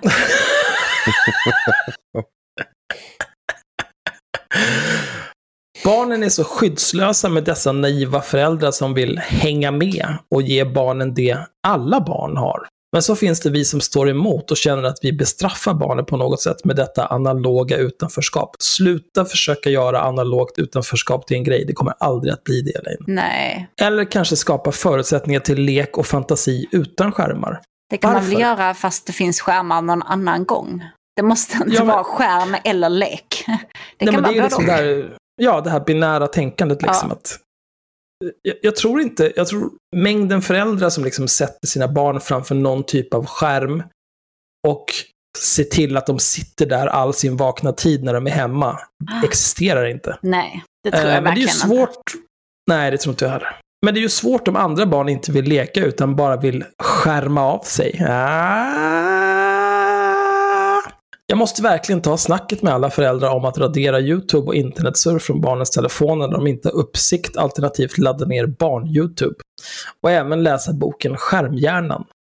Men framförallt måste jag säga till varenda förälder att Matteo absolut inte får titta i någon telefon själv med en kompis utan föräldrars uppsikt. Telefonen får inte vara barnvakt hos mitt barn. Alltså den här, vad är det här för jävla fascism? Vet, jag hade ju inte, det här, det här är ju den föräldern som, jag kan bara berätta hur det är av, ur, ur det perspektivet. Det här är ju den föräldern som inte, så bara, jag vill leka med Matteo. Nej, fast nej, jag tror inte det går idag. Ja, men nästa vecka. Nej, nej vi är upptagna. Nej. Ja, du kan ju ringa hans telefon ja, då och 2025 fråga. när han är myndig och inte jag behöver prata med den här föräldern. Då ja. kommer det ske. Det, innan dess kommer det inte ske. För att jag tänker inte ta ansvar för att om ni har gått ut här utanför, råka Ja, men du, gud vet om ni hittar en porrtidning här ute i skogen. Eller om ungjäveln mot förmodan råkar få se någonting på YouTube som den inte skulle få se. Alltså mm. få det samtalet. Man hade ju bara, nej, nej, Elaine, nej. Nej, nu alltså... ringer inte hit och ha, nej, nej. Jag känner lite så också att telefonen får inte vara barnvakt åt mitt barn. Alltså, ja. Jag, jag vill lite grann dra paralleller till de som säger att abort får inte vara preventivmedel. Oj. Ja. Det känns, nej, vadå? Det är väl inget... Det känns lite lika. Alltså, lite lika. Mm. Mm. Ge ungen en telefon, men ha koll på vad, vad de gör. Mm. Fråga, alltså, prata, med, prata med barnet, vad är problemet? Tror du att en åttaåring vet hur man skapar liksom så här inkognito-flikar och hur man rensar eh, historiken och så vidare? Nej, det är bara att gå in och kolla efter barnet har varit inne, vad fan den har ja. tittat på. Så kan man ha en Eller, hälsosam diskussion. Ja, ja. Eller installera NetNanny, som är praktiskt taget gratis. Eh, ja. Ja, alltså, eller, eller något annat övervakningsverktyg. Alltså, ja, det går att lösa. Går, eh, det där går att lösa hur bra som helst. Jag kan, eh, vi hade ju... Even when we're on a budget we still deserve nice things. Quince is a place to scoop up stunning high-end goods for 50 to 80% less than similar brands. They have buttery soft cashmere sweaters starting at $50, luxurious Italian leather bags, and so much more. Plus, Quince only works with factories that use safe, ethical, and responsible manufacturing. Get the high-end goods you'll love without the high price tag with Quince. Go to quince.com slash style for free shipping and 365-day returns. Here's a cool fact a crocodile can't stick out its tongue. Another cool fact you can get short term health insurance for a month or just under a year in some states. United Healthcare short term insurance plans are designed for people who are between jobs, coming off their parents' plan, or turning a side hustle into a full time gig. Underwritten by Golden Rule Insurance Company, they offer flexible, budget friendly coverage with access to a nationwide network of doctors and hospitals. Get more cool facts about United Healthcare short term plans at uh1.com. Så jag hade ju, tror jag, riktiga YouTube på. Och sen då såg hon något djur som eh, vart skadat. Och då var det ju stora kranen på. För hon, hon är ju helt psykotisk när det kommer till sånt där. Det är liksom så här, mer eller mindre vilken jävla skräck kan komma upp på den där ute. Och sånt där. händer ingenting. Men ser hon ett djur komma till skada, då, då, Ja. då, då är det någonting som går sönder inom det där barnet. Så det var ju bara det, barn-YouTube blir det för dig nu ett tag framöver tills du klarar av att hantera det här. Eller ja, hon är ju ung också så det är väl bra det. Men, men det är Mm. fortfarande så att det är klart att jag lämnar henne ibland ganska långa stunder eh, utan att gå och titta vad är det du tittar på. Men jag vet ju också att de har hyfsat bra koll på vad det är för appar som finns där. Och eh, är det någonting så kan vi ta det i efterhand. Du kommer liksom inte vara 100%. Det kom, hon kommer se någon jävla djur som blir skjutet av någon Jo, men hon kommer inte idiot. dö av det. Nej, precis. Men då får man ju hantera det då. Och så, det är lite Men det- jobbigt, men, man Det är ju, det kommer är ju en över det. balansgång. Det är en balansgång mellan det här som Elaine Mm. pratar om. Eh, men framförallt måste jag säga till varenda förälder att Matteo absolut inte får titta i någon telefon själv med en kompis utan föräldrars uppsikt. Så det ska stå någon jävla lägervakt bredvid och titta på hela tiden. Men man måste ju ha någon slags eh, balans mellan det här med att du, du är en fascist och att du skiter i dina barn. För du måste ju samtidigt kunna lita på dina barn att så här, om, om, om ni har en, en sund kommunikation om så här, vad, är, vad är rimliga saker att titta på, hur använder du internet, hur umgås du med dina vänner på internet, vad gör ni, bla bla bla. Om den kommunikationen funkar, då måste du kunna lita på ditt barn och känna så här, ja men då är det det här som händer. För att annars så kommer du sabba all den tillit ditt barn har till dig. Och då kommer de aldrig prata med dig när de ser någonting som, som de tycker är jobbigt på riktigt, som de behöver prata om. Ja. Det går liksom inte att övervaka barn på det här. Ja, nej, men jag, jag rekommenderar folk att lyssna på avsnittet med Elsa Dunkes. Eh, då går vi igenom de här sakerna. Hoppa tillbaka. Avsnitt lyssna 47. På det. Ja, precis. Alltså internet blir liksom större och större del av världen hela tiden. Och att på något sätt inte exponera barn för detta och lära dem hur de hanterar internet, det var elakt. Mm. Ja, de kommer ju bli oanställningsbara i framtiden. Ja, Nu måste vi raskt gå vidare, för vi Ja. har mycket mer kvar. Eh, åtta Gud. år i snittåldern för då pojkar exponeras för porr i Sverige och naiva, naiva föräldrar gör inte saken bättre. Jag har så ont i magen över detta. Gå och bajsa Elin, det är mitt tips till dig. Jag trodde vi skulle ta oss igenom en hel text, men det gick inte. nej. Jag blev exponerad för porr när jag var två för att min pappa är en pedofil. Här vill jag Nej, Också- läs klart. Bara läs klart. Idag behöver barn inte en pedofil till förälder för att se porr. De behöver bara en naiv förälder, en telefon och fri tillgång till internet. Ta porrsnacket med era barn. Stötta porrfri barndom när ni ändå är igång. Ska jag fortsätta eller? Nej, nu kan, du? vi ta, nu kan vi ta det. Jag tycker inte om att Elaine ständigt tar upp att hennes pappa är pedofil. Och anledningen till att jag inte tycker om det, det är för att jag känner att det förtar eventuella poänger hon gör. För det här är, varje gång hon nämner det, så är det ett känsloargument. Ja, Det har ingenting med någon fakta att göra, utan det, det är en personlig anekdot. Hur, det, det kan låta liksom otrevligt, eller känslokallt sådär, men, men det är vad det är. men det är också hur många pappor är pedofiler? Alltså var... Hur många måste leva sina liv ut efter att pappan är pedofil, liksom, för att hon har varit utsatt för det här? Det kan inte vara Äh, normen, nej. liksom. Alltså det kan inte Det vara inte så folk... Nej men jag menar, det, det kan inte bli normen. Alltså det kan inte vara så folk uppfostrar sina barn, liksom. Bara, nu Nej, får inte och- Tim lov att vara ensam med barnen för att Elaines pappa är pedofil, liksom. Va? Nej, alltså det här kommer inte gå. Jag, jag vet inte. Det är skithemskt det hon har varit utsatt för, men det kan inte vara allt, liksom. Det går inte. Nej, det går inte. Och jag tycker, för mig så förtar det... Eh, jag, vet inte, jag, jag, kanske, jag vet inte om jag är en stor konsument av Elaines texter eller inte. Det tror jag inte att jag är. För att jag läser i princip bara när det är någon skickar det till mig och säger det här var inte jättebra. Ja. Och så läser jag det. Och då är det alltid min pappa är pedofil. Och, och jag tycker att det förtar lite av de poänger hon försöker göra. För att...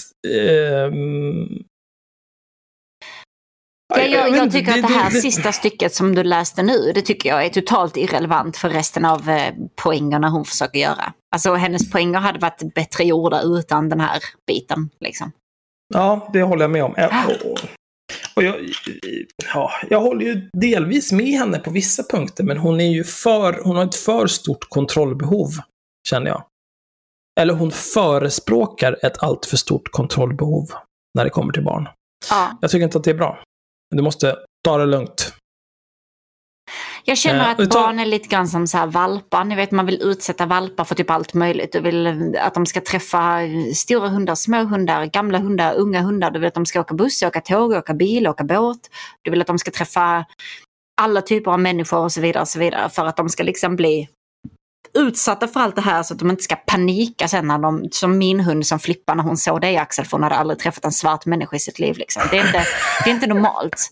Och Mm, detta men sen här, jag hånglade vi en känner hel kväll. Ja, det gjorde ni också för att du är jätteäcklig. Men ehm, det är ju också lite grann vad man vill göra med sina barn. Liksom. Man, vill, man vill utsätta dem för så mycket som möjligt så att man kan ge dem lite visdom på vägen. Liksom. Man kan snacka om det här, man kan ge dem någon typ av hälsosam relation till alla de här grejerna. Liksom. Åh, titta, här var lite porr, ja, nu kan vi prata om detta. Liksom. Det var så här. Kanske inte gå och visa ditt barn porr, det känns ju olämpligt i och för sig. Men om den Mm. kommer hem och säger att ah, men min kompis visar mig det här och det här. Liksom. Att, men då pratar vi om det lite grann istället för bara åh nej du får inte ha en telefon, ingen får visa dig någonting på sina telefoner. För då kommer ju barnet bli liksom, då blir det förbjudet och förbjudet är ju jättekul. Det är spännande. Och det är Ja. precis som jag sa förut med tilliten. Om du, har den, om du har den inställningen och den relationen till dina barn Mm. när de växer upp, då kommer de ju veta att de kan prata med dig och att det, liksom, det kommer inte vara någon grej, du kommer inte skälla ut dem eller bli arg eller sånt där, utan Precis. ni kommer prata om det och det kommer inte vara ett problem. Men är det den här liksom eh, oron och liksom lägervaktskänslan, då kommer ju, alltså, de kommer ju få PTSD. Absolut. Ja, och sen efter det här stycket så har hon länkat till en video från Porrfri barndom där det är Nina Rung, hashtag Mm. porrsnacket, förskoleklass och Nej, Jag kan lågstadiet. inte ens titta på henne, hon har blockat mig så jag känner inte mig bekväm med att titta på hennes video. Hon, du vill inte plattforma henne? Nej. jag vill respektera blocken. Då tar vi sista stycket där. Ja. Snälla älskade föräldrar där ute, softa med att ge era barn telefoner. Läs skärmhjärnan och se hur mycket det kan skada inlärning, utveckling och social kompetens. Det har ju kommit en ny sorts diagnos som heter skärmautism. Nej, det har han inte. Elaine, här vill jag också bryta in och säga, det har det absolut inte gjort. Men vi ska prata mer om det strax. Jag säger inte att man ska förbjuda skärmtid, men minska den som med godis. Lördag kanske borde heta skärmdag också. Åh, Nej. Nej, nej. nej, nej. nej, nej, nej. Nej, nej, nej. Men, men det här är också en sån här grej. Ehm, jag undrar om Elaine ser samma faror med tv som hon gör med internet. För att, te- jag tror inte det. För att tv, där är det ju ändå liksom pre-programmed. Det är de program som finns liksom. Det, det, eh, jag tror inte att Elaine har några kanaler där det sänds porr dygnet runt som man kan råka sappa till. Om man sitter på tvn. Nej. Och så liksom drar man på en DVD med Babblarna eller vad fan det nu är barn tittar på. Då är det ju Babblarna som gäller. Ja. Mm. Eh, men det är svårt att veta när de använder det här skärmprefixet. Mm. Eh, Men, men jag gissar att hon inte menar tv och, på samma vis, för, eftersom det är kontrollerbart på ett annat sätt. Eh, låt inte barnen surfa fritt. Viktigt att du är med och vet vad barnen ser. Är du en förälder till ett barn utan skärmar, prata med föräldrarna till barnens kompisar och säg att YouTube, internet och andra platser där barn riskerar att exponeras för barnförbjudet material är strikt förbjudet. Alltså, skulle någon komma fram och prata så med mig.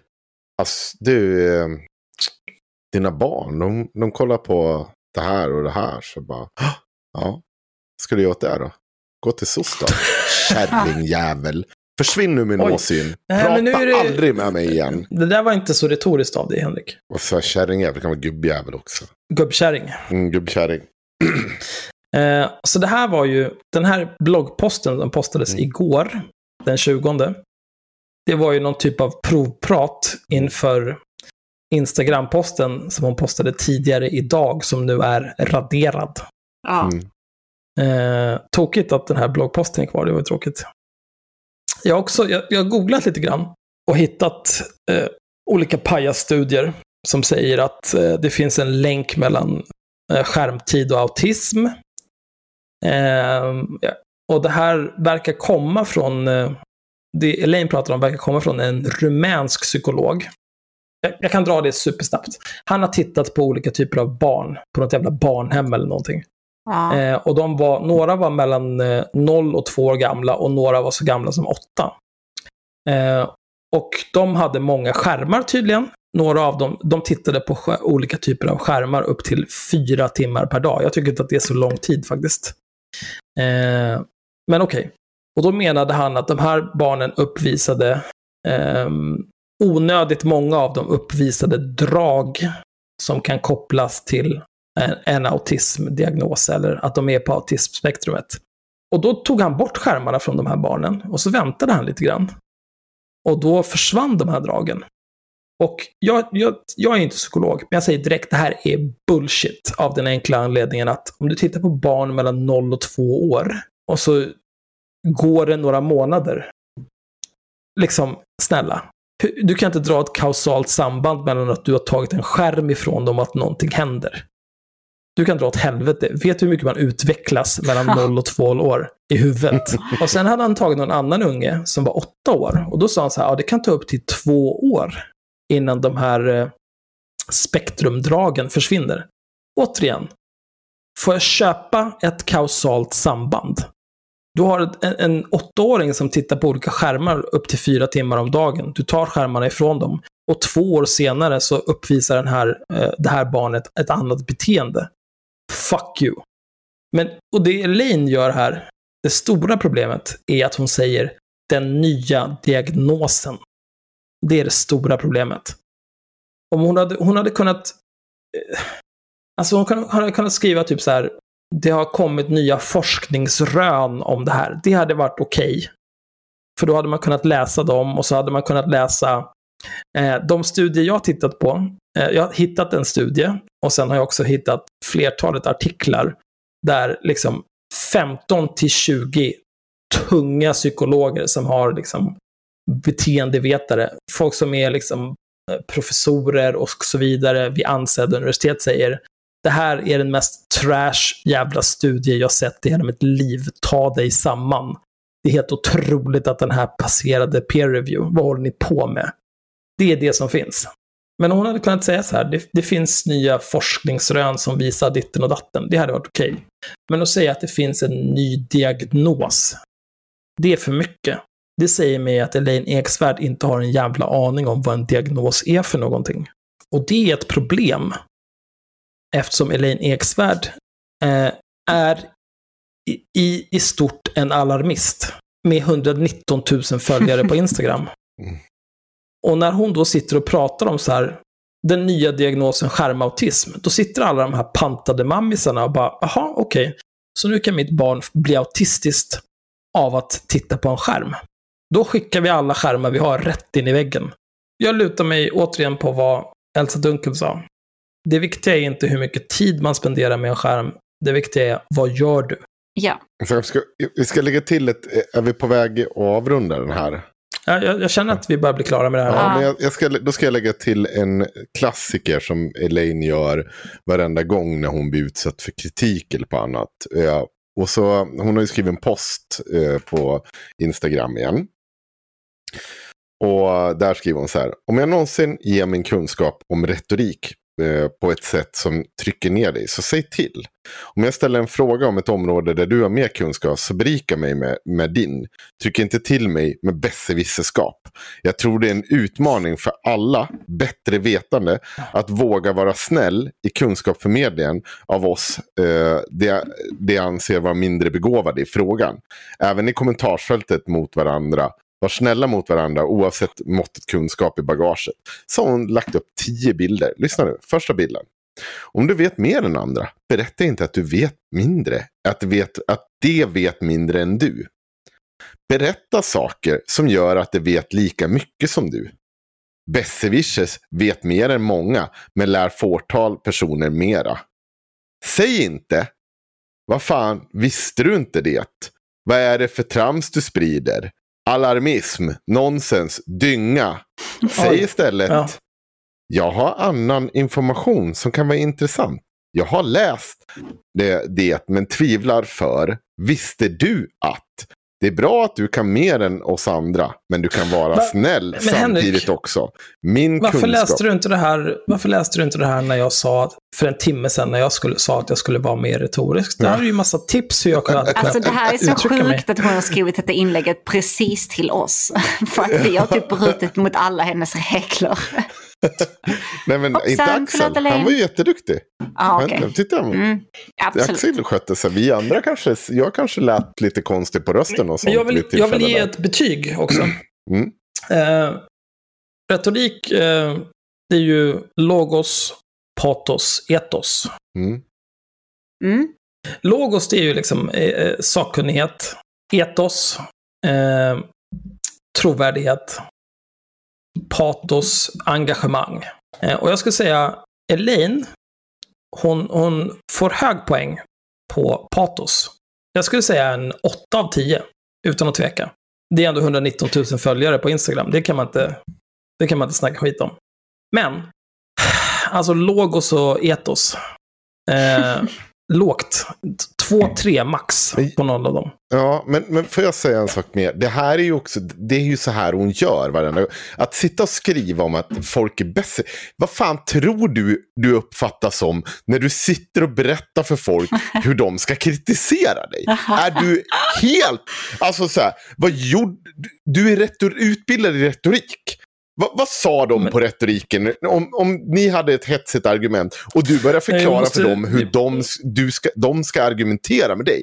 Folk, det är ju klart man slutar lyssna din jävla galning. Det är väl ingen som lyssnar på dig när du sitter och säger ja, det du sa nu, det var rätt. Men du sa det på fel sätt så då tänker Ja. inte jag lyssna. Som ett jävla barn. Skärp dig för fan.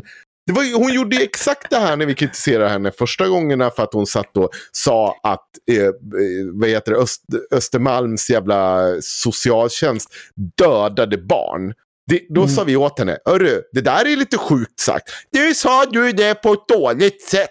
Då tänker inte jag lyssna. Nej, men du sitter och säger åt att folk som jobbar på det här kontoret literally dödar barn och du har åsikter på hur jag, att jag uttrycker mig lite klumpigt. Är du sjuk i huvudet? Det är inte jag som säger att folk dödar barn. Ditt jävla vandrande psykfall.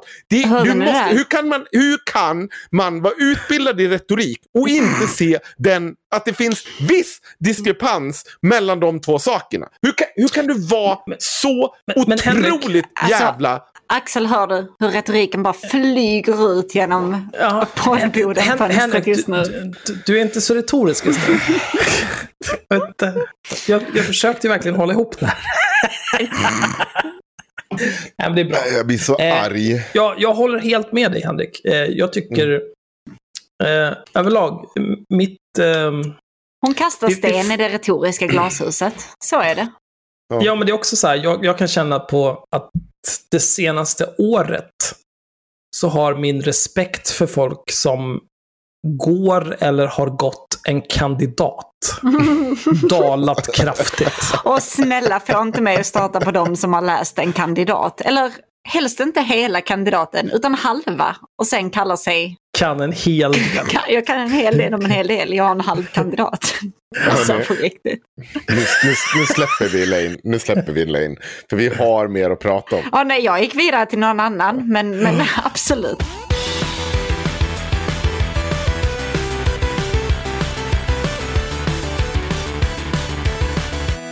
Jag tänker göra ett snabbt instick här. Eh, Vi håller ju på och försöker få ba- Alexander Bard, då, som jag sa tidigare, till podden. Var du nära att säga bög där? Nej, jag Alexander. Berg. Då ska, jag ska göra en tweet. att säga så Henke. och länkade min omröstning på Twitter.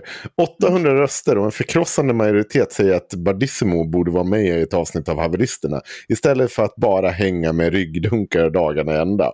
Då kommer eh, Jocke Svensson, Jockes sex heter han.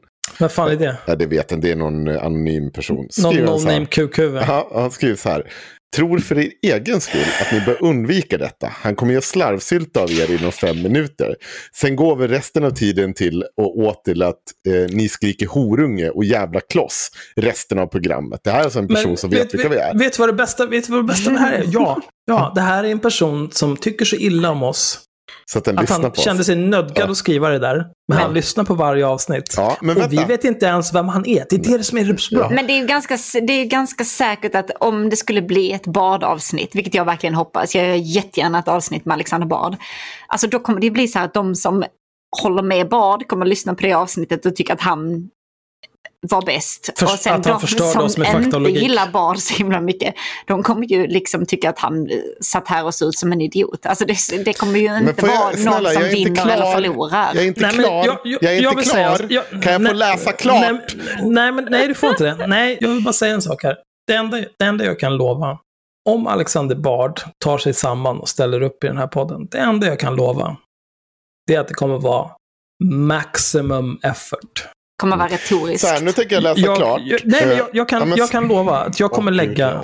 jag, jag kan ta ledigt några dagar från jobbet för att göra research. Jag bryr mig inte. Jag kommer göra mitt yttersta för att krossa Alexander Bard med fakta och logik. Kom! Nu kör vi. Nu åker vi. Varsågod Henrik. Nej, skit i det. Jag orkar inte. Nej men sluta. Ja, men jag orkar. vilken tönt du är. Nej, Ja, men vilken tönt du är. Kör nu. Du orkar visst. Nej, Blev du sur på riktigt nu Henrik? Ja, ja, ja, jag ville bara göra det snabbt. Det fanns Ja, en väldigt enkel poäng.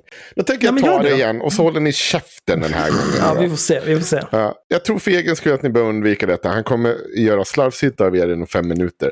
Sen går vi resten av tiden åt att skrika horunge och jävla kloss resten av programmet. Och då svarar jag, ja, jävla skit med folk som gapar om horor. Och så länkar jag, as for the bitch fight between Bard and Bianca, come on guys, Bianca is a blatant whore. Everything she ever did was for money, which is okay with old Uncle Alex, uh, since he did quite a bit of whoring himself. Jag vet inte. Jag känner inte att man kanske ska... Är det verkligen Bard vi ska liksom sätta upp på den här piedestalen av mannen som aldrig skriker om horor? Och då svarade Jocke så här. Allvarligt, lägg ner det där. Så jävla uset att ni hanterade det där när Cissi Wallin var med. Borde varit öppet mål som ni helt sumpade. Myra lyckas väl rädda någorlunda. Tar ni in Bardissimo då blir det bara pinsamt. Med Ja, era begränsade in- intellektuella resurser. Ja, det var det slut att diskutera där. Men Men, varför tar han, varför, varför tar han upp Cissi Wallin? ja, för att det är någon som uppenbart har lyssnat. Men vi ska ju ta upp Cissi Wallin. Så det blir ju perfekt övergång. Eller hur? Ja, det var, det var bra gjort Henrik. Ja, just det. På, ta på tal om Elaine så försöker de ju införa ett eh, porrfilter här i Trelleborg också. Ja, jag såg det. Ja, min kusin delade det i någon eh, mammagrupp här i Trelleborg. Eh, kul! Hur skulle du lösa det då? De, de börjar texta med det finns ingen teknisk lösning eller så kallat porrfilter på någon kommunal skola i Trelleborg. Jag bara, eh, okej, jo det finns det visst det. De har svartlistat en massa sidor, man får inte ens lov att vara inne på YouTube. Men okej, ja nej, men absolut. Så jag skulle, jag skulle, mm, jag ringde kommunen. För nu vet jag är en mammis, så jag får lov att göra det. Mm. Eh, Men de var i möte så de kunde inte prata med mig, så jag måste ringa dem på måndag. Erbjöd de sitt att ringa Ja, tillbaka? Nej, jo, men jag tänkte ringa idag. Men eftersom jag har legat helt förstörd av eh, migrän hela dagen så gjorde inte jag Ja, det. Så jag får ringa dem på måndag. ja, precis. Ja. Ehm, ja, och sen behöver jag ju sätta dem på plats i den här jävla mammagruppen. Så att, ja men det är kul. Jag har inga mammakompisar i Trelleborg. Jag kommer inte få det efter det här heller. För jag kommer vara den mamman Ja. som är emot porrfilter liksom. Mm. Men jag tänker Men- ta det i äran och rättvisans namn. Varsågoda och gå vidare till eh, Då ska vi Cissi köra Wallin. Och Drogge. Eh, de har ju Ja. då gjort ett avsnitt som heter Den sexiga lögnen. Hur, många har, hur många av oss har lyssnat på den? Alla, Alla. tre. Alltså när jag lyssnade på det där, Mm. jag, alltså jag höll på... Jag har aldrig varit så nära självmord som när jag lyssnade på det där Nej, det var avsnittet. riktigt hemskt faktiskt. Mm, Jag blev Nej, dummare av Ja, att lyssna på det. ja fast jag har... Ja. Dummare blev jag inte. Jag tycker det finns poänger, men det, det babblas ju bort Det är som svårt vanligt. för dig att bli dummare å andra sidan, så att jag förstår ju ändå. Gud vad arg jag blir. Äh, nu ska vi se. Vad var det? Jag skulle anteckna någonting här. Sanna är en fitta. Kan vi Ah, ta Okej. Mm. Bra. Jag tar avstånd från det här ja, du, skrev, du skrev bara Sanna-fitta i dokumentet. Eh, ja, i alla fall. Just det, ni kan ju se vad jag skriver. ah, nu kör vi igång. Det handlar då alltså om ehm, eh, kvinnor som eh, sysslar om med kroppsaktivism. ja, kroppsaktivism, olika typer av kroppspositivism, kroppsaktivism. Och vi kommer komma in när de berättar om, jag tänker hoppa över, vi, vi kan avslöja ämnet och så går vi rakt på när Cissi Wallin berättar om vad det här är för någonting. Mm. Och då kommer ju nästa fråga in. Jag, jag, det är tyst, mitt tyst medhåll här. För den här stora rörelsen av det man nu kallar kroppsaktiv, kroppsaktivism eller kroppspositivism. Vi har ju några sådana profiler i Sverige som är väldigt, eh, har gjort sig väldigt profilerade inom det här. I, internationellt finns det ju nu tusentals kvinnor då i stort sett bara som eh, Eh, ja, alltså, vem fan är tjock? Jag vet inte var man drar gränsen. BMI är ju ett jävla skitsystem, men poängen är väl att man inte ska ha en så kallad normkropp. Alltså man ska, man ska inte se ut som en Victoria's Secret-modell som ganska få kvinnor gör, utan man ska se ut som en människa gör mest. Och ofta så är de här kroppsaktivisterna lite mer korpulenta. De är, kallar sig själva tjocka, tjocka aktivister. Eh, och det är videos och det är bilder varje dag i deras flöden eh, i stort sett, där man då visar sin mer eller mindre nakna kropp när den Alltså det har, det, det, jag, jag får mig att det här började ju, jag kommer ihåg liksom 2015 när jag fick mitt första barn, då, då exploderade det här och sen har det liksom bara, då fanns det kanske två, tre i Sverige som höll på med det här på nätet och sen har det bara, ja då har det, sen dess har det exploderat. Och det blir liksom mer och mer fokus på att i, när, liksom zooma in kroppsdelar. Zooma in liksom hudveck eller ojämn, man får inte visa bröstvårtor och kön och sådär. Men allt annat förutom det ska liksom zoomas in och verkligen så här, titta på hårsäckarna, titta på så här, mensblodet som rinner längs benet eller eh, busken som sticker fram, håret under armarna. Och jag är så himla kluven till det här, för jag tycker att det är superhärligt i sig. Att så här, gud vad skönt att vi tar tillbaka liksom hur vi visar upp hur kvinnor och tjejer ser ut. Men nu tycker jag att vi befinner oss i någon sån här masspsykos. Där det här är liksom... Kan vi någonsin bli fria och tänka på annat var 30 sekund än hur våra kroppar ser ut? När det här är liksom ett totalt fokus. Förstår du vart jag vill komma? Ja. Ja, eh, det handlar alltså i bakgrunden till det här är att eh, Cissi Wallin för ett gäng år sedan såg ett kortare TED-talk eh, som finns, återfinns på YouTube. Eh, Camilla Harris, hette hon så? Som Eh, det där. säkert.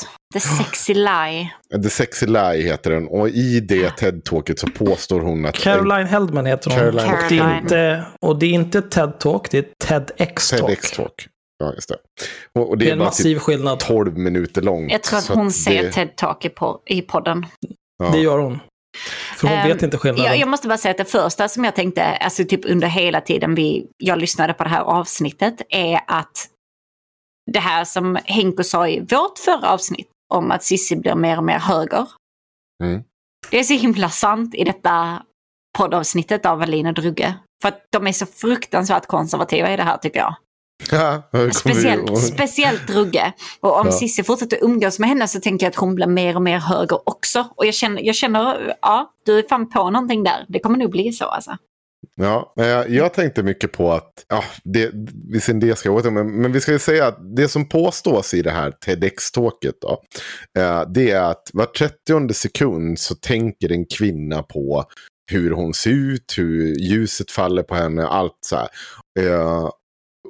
Jag har försökt hitta något stöd för att det där skulle finnas någon forskning. Men det, allt man återkommer till är just det här TEDx-talket. Jag tror inte att det finns någon forskning som styrker det. Därmed sagt till alla kvinnor som lyssnar på den här podden. Jag är övertygad om att eh, det är eh, framförallt kvinnor i mångt och mycket, eller så mycket högre utsträckning än män går och tänker på hur de ser ut. Alltså att man förhåller sig till kanske till en manlig blick eller vad det nu än må vara. Jag tror att det där är supervanligt. Men var trettionde fucking sekund. Det känns som att, vänta nu, kan du koncentrera dig på någonting annat då? Alltså det, du- det, enda, det enda jag kan tänka mig eh, skulle vara skulle styrka det här påståendet att det är var 30 sekund, det är att det är så här många sekunder på ett dygn som du tänker på ditt eget utseende. Om du slår ut det så är det en sekund var 30 sekund. Så kan jag Ah, tänka mig att det kanske eventuellt det skulle kunna stämma. Men jag vet inte, för jag har inte heller hittat någonting som skulle styrka detta påståendet. Eh, Nej. så vi får väl bara be Cissi Wallin om Men- källa då. Så kan ju jag växa gammal och grå innan vi får tag på den. Mm. Oj. Mm. Men då, det, det, jag vet inte, om man då spenderar eh, en ansenlig mängd tid på morgonen med att hitta sig. Ja.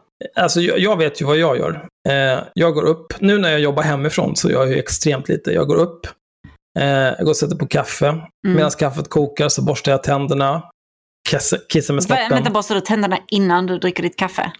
Ja, 100 procent. Och då går du runt och luktar så här pappakaffe-andedräkt hela dagen.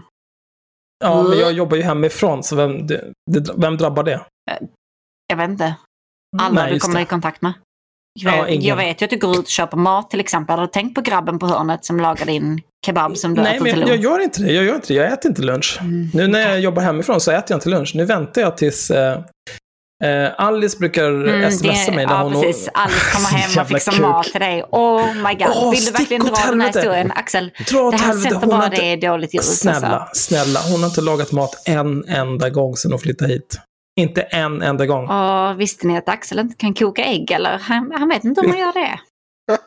Alltså, jag blir Vill du prata om detta mer eller ska vi gå tillbaka till Sanna, jag vill, jag vill bara säga så här. Igår så gjorde jag shakshuka av Mm, okej. svenska Du vinner inget genom att dra fram ägg. matlagningskuken här. Du, Och sen, och, vet du vad vi åt till det? mm, Jo, vi åt min kimchi som jag har gjort helt själv. som du sa luktar jätteäckligt. Ja, men den, kimchi luktar äckligt. Men den var god. Okej. Du ska få en burk sen när vi Kommer träffas nästa ihåg när gång. vi Nej. ska försöka hålla oss till två timmar? Nej, när vi kommer nej. över det? Nej, nej. okej, men då, då kör jag på. Ja, men om Sanna kan sluta vara ett jävla äckel. det jag ville bara säga det, det och, så, och som vanligt så blir det ju den här otroligt... Alltså jag tror att extremt mycket av Cissi Wallins eh, omvärld, det är att det hon får upp i sitt Instagramflöde. Så att den här tjockisaktivismen helt plötsligt dyker upp 2018, det finns bara två, det, det, så såg det inte riktigt ut. Eh, och det är väldigt mycket som är kopplat till att nu är den här ma- masspsykosen av människor som ska göra det här och det här. Men snälla, det är inte så Alltså, det ser ut ute i ja. verkligheten. Att du får upp någonting i ditt flöde på Instagram, det behöver inte, det är liksom, det är som Elaines jävla skärm vansinne. Sluta, du måste gå ut och bara inse att världen kretsar inte till, kring vilka du följer på Instagram. Sluta bara. Nej, men det är som hon Jenny Piper som tror att alla går runt i bikini på stranden. Liksom. Ja, för att hon har sett det den är Gör typ det? ingen Nej. som har det på sig. Men, Nej. men alltså jag måste bara, så, så här, känslan jag fick av detta avsnittet var ju det, Mm. Eh, det jag sa innan, att Cissi är på väg lite åt höger. Att det, det är Mm. fruktansvärt konservativa åsikter, men mest från Unni. Men också att Cissi försöker vara lite inställsam. Jag kände det hela tiden så att Cissi kan säga en grej och sen säger Unni någonting som kanske är lite mer, eh, inte helt på samma linje som Cissi är och så Cissi viker sig liksom lite och så här. Mm, mm. Jag fick också det intrycket. Att men det är ju för att... vill eh, liksom eh, eh, ja, men anpassa sig till Unni lite grann. Och jag vet inte, det är bara en sån. jag, jag tror att det är så här att eh, de, de har liksom inte hittat riktigt... Eh, de gjorde ju en grej i början av gardet. Mm. För drygt ett år sedan. Då, då var det ju så här, Cissi Wallin träffade Unni Drugge, hej och hå. Ja, Ja. vi, är så, vi är så lika. Och, eh.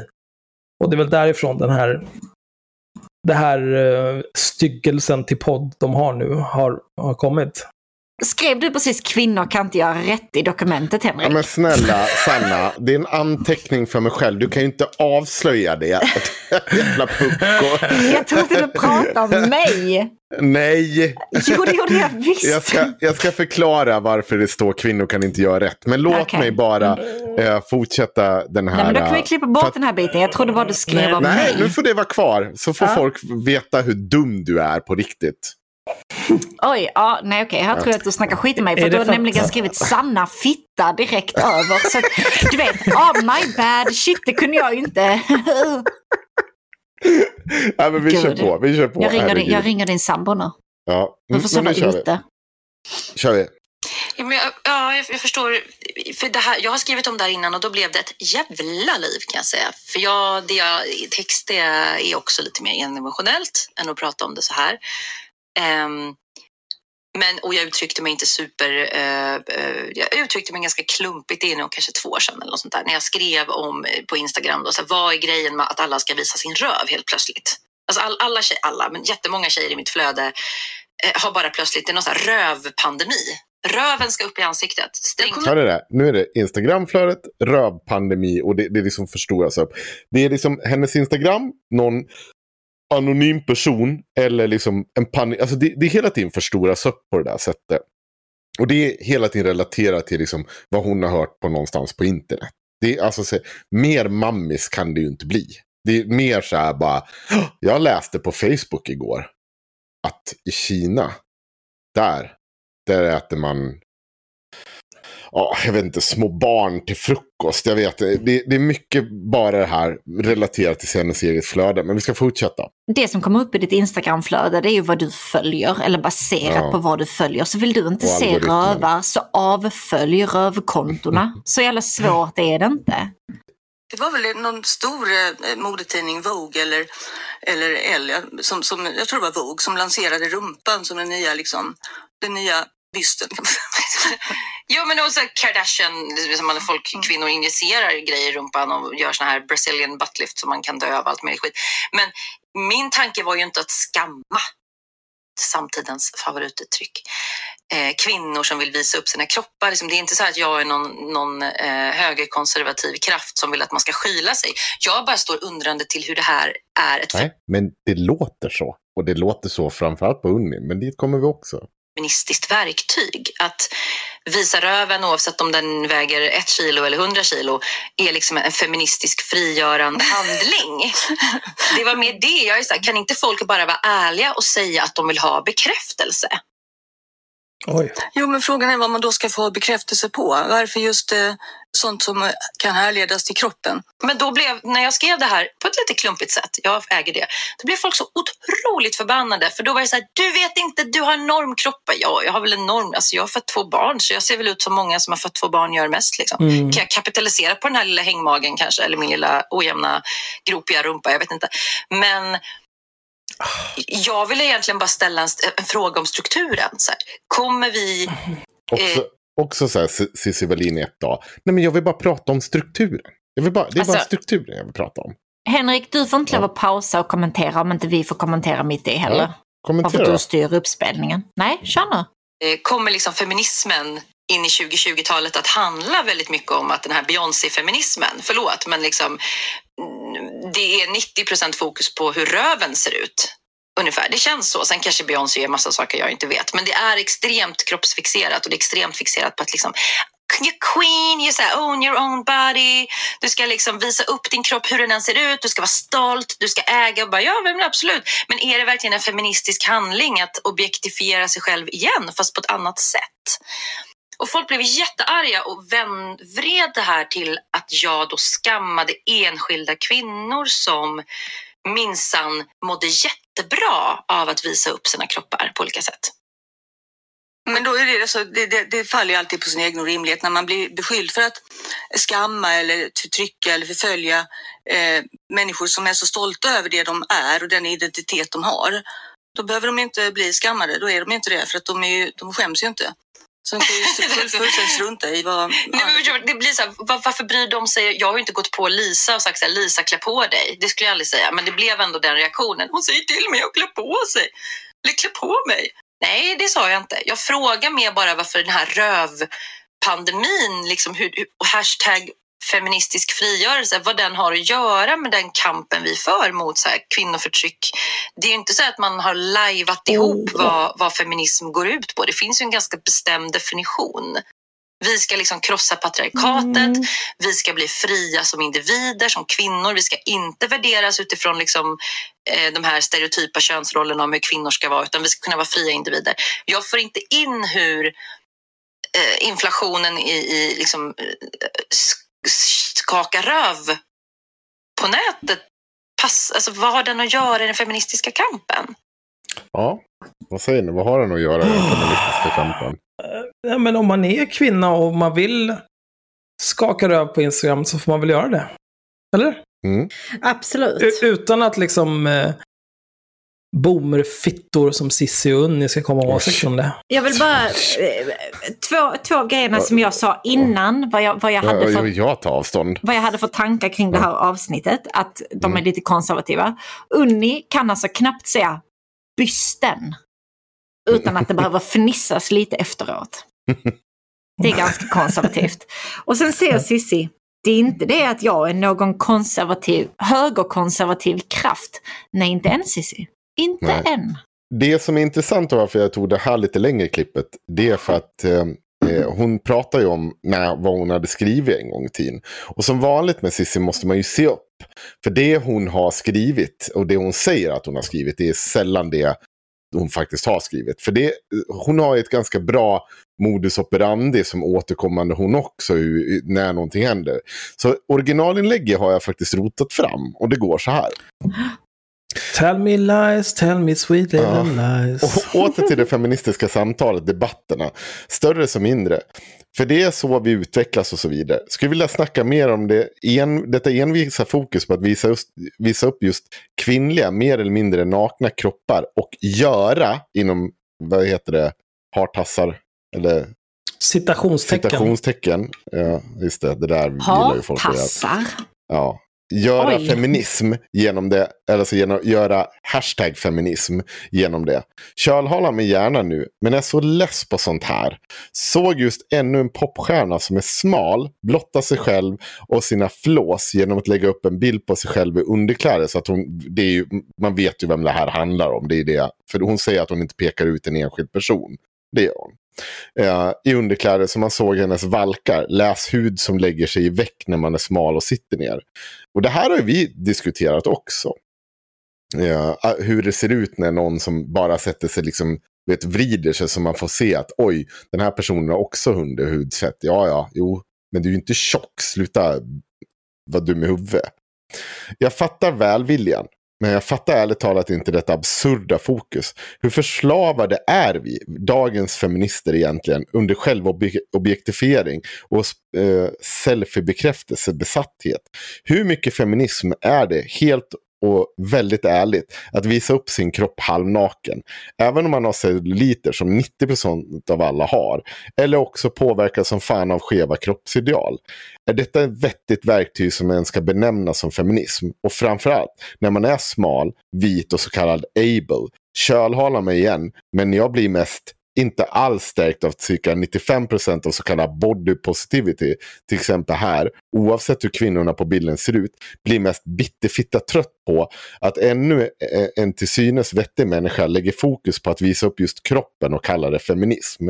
Jag vill se mer av folks tankar och mindre av deras rövar och celluliter. Visst, det kan gå hand i hand, fast ärligt. Fokus just nu är att man liksom känner sig tvungen att visa hud för att bli hörd.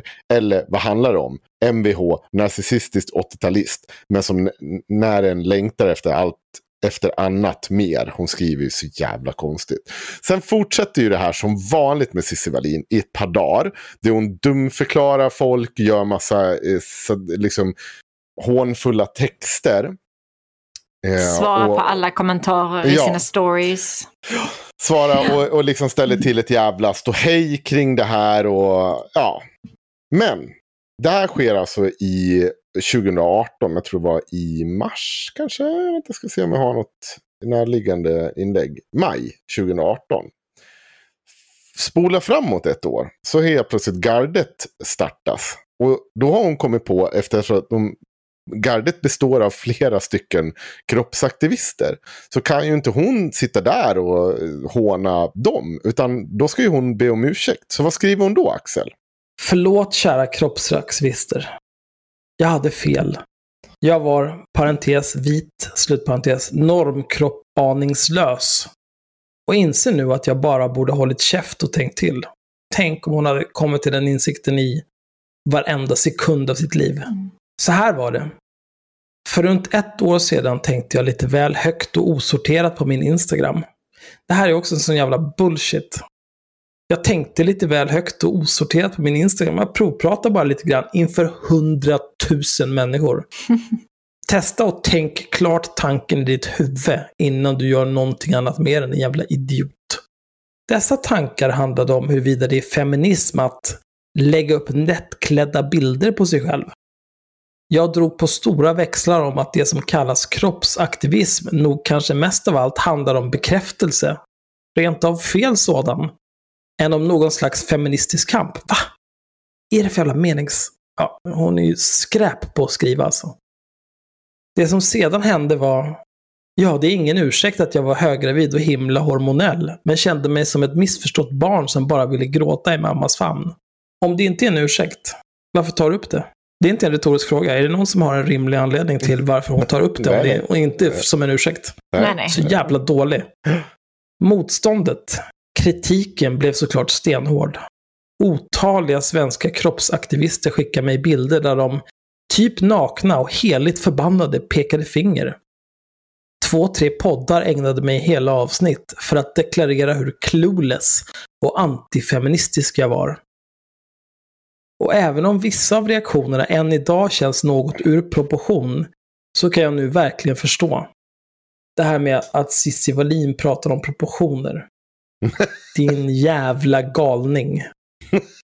Din kompletta jävla dåre. Att man som tjock kvinna, svart kvinna, kvinna eller icke-binär som på något vis avviker från den oerhört snäva normer som råder.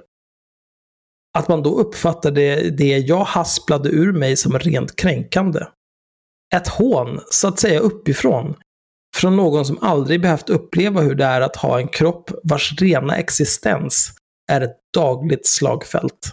Det här är så otroligt dåligt skrivet att jag vill döda mig själv. Jag var vit, smal, trög och aningslös. Det är du fortfarande Cissi. Kanske inte så smal längre nu efter två barn, men okej. Resten. Hon är väl ganska jävla smal eller? Ja. Hon är rätt, hon är ganska, hon ser smal Jag vet inte, Ja. jag har inte sett. Nej, jag har inte sett Skulle vi kommentera folks kroppar eller för, vad det nu är? Ja. Nej men hon kommenterar ju dem först. Vi måste ju få fylla på. Allt det här handlar ju om att kommentera folks kroppar. Ja. Jag tycker att Cissi är vit, smal, trög och aningslös. Jag håller med. Och det tog mig tid att förstå hur viktig kroppsaktivismen är för tusen och åter tusen, framförallt kvinnor. På senare tid har jag börjat följa den kroppsaktivistiska kampen i sociala medier på nära håll och fullkomligt golvats av dess kraft. Så insåg också denna gammelfeminist-hagga att några bikinibilder på kvinnor med rejäla valkar, dallriga lår täckta av celluliter och ojämna hängpattar har förändrat livet för otaliga andra kvinnor.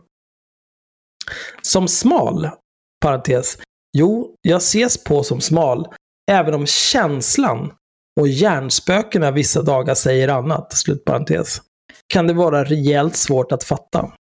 Hur en grupp, parentes, tjocka kvinnor, slutparentes, som osynliggjorts i årtionden plötsligt fått synas och ta plats. Plötsligt i samlad trupp kliver ur sina tilldelade gömmor, kastar skynkena de tvingats dölja sig bakom i evigheter och säger Här kommer vi och kräver att bli sedda på och behandlade som fullvärdiga människor. Det är inget annat än en egen revolution. Jag vill fortsätta debattera och vända och vrida på sexualisering och objektifiering av kvinnokroppen. Men jag vill aldrig mer göra det på bekostnad av att kroppsaktivister känner sig förminskade i sin kamp för acceptans och normalisering. Flash forward Och ett här år. Och så var vi här igen. Ja, alltså när jag lyssnade på det här avsnittet, eh, det enda jag hörde det var typ, eh, fan de här eh, jävla kroppsaktivisterna. Vilka jävla attention horse. Ja, det Ja, de vill var- bara ha uppmärksamhet. Det De har blivit beroende. Ja. Nej, men det här är för den manliga blicken. De vill bara bli sedda. Med, Och, de, och hon, kallade, hon kallade också fetisch genom hela fucking avsnittet. Om någon Ja. tycker någon tjock är snygg, då är det fetisch. Man kan inte bara tycka att någon som är tjock är snygg för att det måste vara en Jo, men, fetisch. men Unni det är lite så här, konstigt liksom.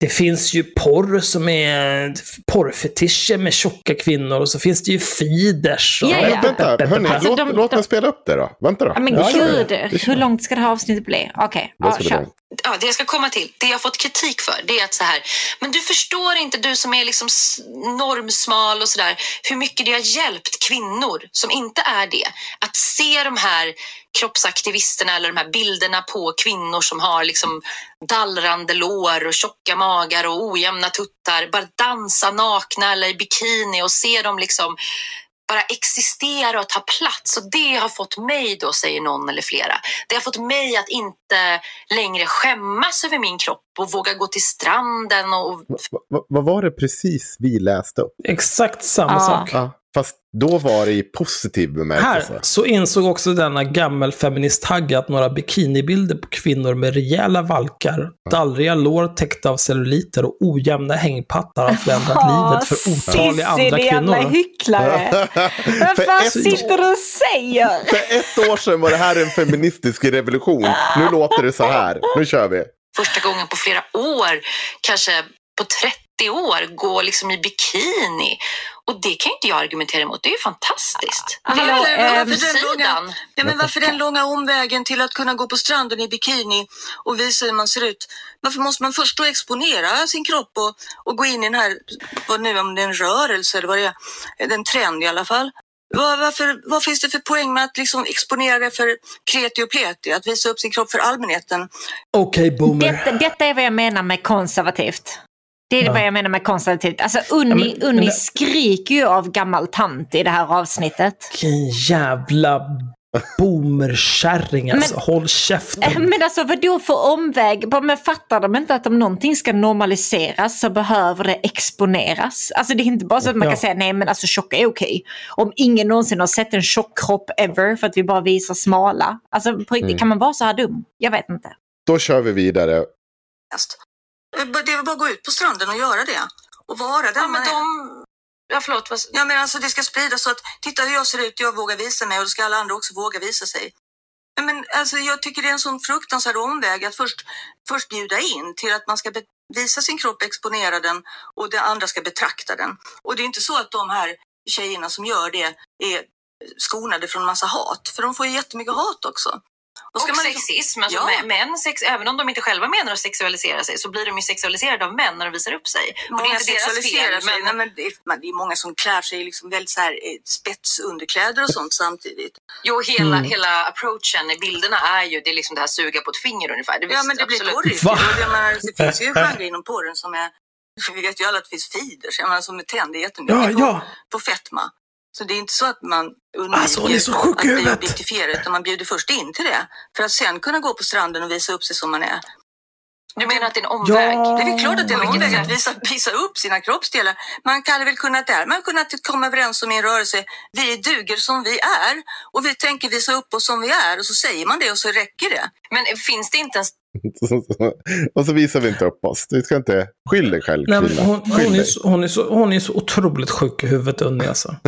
Det hon säger här, det är ju så här, och Cissi, så här, med finger i munnen och hej och så här. Det de säger, det är ju att kroppsaktivister, Mm. de har hittat någon typ av nisch. Så ja, just det, det finns män Mm. som Ja. tänder på tjocka kvinnor för att de antingen gillar fett eller för att de gillar att se kvinnor äta eller för att de se, gillar att se kvinnor bli tjockare. Ja. Mm. Så då ska vi först göra reklam för att vi är tjocka på Instagram. Och, och det hon säger det är ju så här, de här kroppsaktivisterna, de är tjocka horor på Instagram. Det är det de säger. De sitter och bjuder ut sig på Instagram. Mm. Ja, ja. För, Alltså, att få då, för att få bekräftelse och följare och vi kommer väl komma till nästa grej också. Sen, De sitter ju liksom och säger det någon gång i avsnittet, att man lägger bara ut sådana här bilder för männens ögon. Liksom. Alltså det, Ja. det är bara så här, va? Ursäkta? De har helt missat Hallå? poängen med Hallå? det där. Hall- Hallå? Eh, Men du, du säger också, du skriver ju det i slutet i ditt lilla text. där. Jag tänker inte spela upp det, det är okej Sanna? Eller vill du ha det uppspelat? Jaha, nej, nej, nej. Alltså, Nej, för hon beklagar okej. sig sen att hon har behövt, eh, Droge beklagar sig sen över att hon berättar om eh, olika typer av intima detaljer när hon har gjort eh, olika boksläpp. Ja, hon vad behöver det hon prata har- om sitt underliv, säger hon uttryckligen. Men hon skriver ju också ganska intima detaljer som man blir ju bara, ja men du har Alltså, ju... Hon, om hon skriver tre hämndböcker om sina ex och sitt sexliv med dem och vad som hände där. Ja, det skulle jag ju räkna som intima detaljer och kanske du behöver då dela med dig av vad som finns i boken för att sälja den, eller? Men då Ja, beklagar skulle hon sig ändå över annars- att hon behöver göra det för att få någon typ av publici- publicitet i sina böcker. Hon skulle ju kunna skaffa ett riktigt jobb också. Alltså om, om Henrik bestämmer sig för att skriva en bok om hästar, då kan inte han sitta sen och klaga på att han måste sitta i TV4s morgonsoffa och prata om hästar. Liksom. För det kommer du behöva göra. Skriver Ja. du en bok om din fitta, Unni, då måste du prata om din fitta i TV. Alltså det är bara så det är. Jag vet inte vad ska jag säga. Jag, jag, innan vi går in på absolut sista lilla roliga, jag tycker egentligen det är bara en bonusdetalj i allt det här. Så det jag får ut av hela det här samtalet, ja, det är ju så här klart att, ja, det ska också tilläggas, eh, det här är inte första gången eh, Cissi Wallin har gjort ett poddavsnitt om just det här ämnet. Hon gjorde det Nej, redan i penntricket. Hon gjorde det i penntricket. Vet du Sanna, jag, vet inte, jag tror inte du har sett det, men vet du vad, vad det avsnittet hon gjorde tillsammans med Lady Dami heter? Nej, men kan vi innan, innan det? Jo, jo, jo, jo, jag såg jag såg- jag såg en dum på det. Jag såg en dum på det.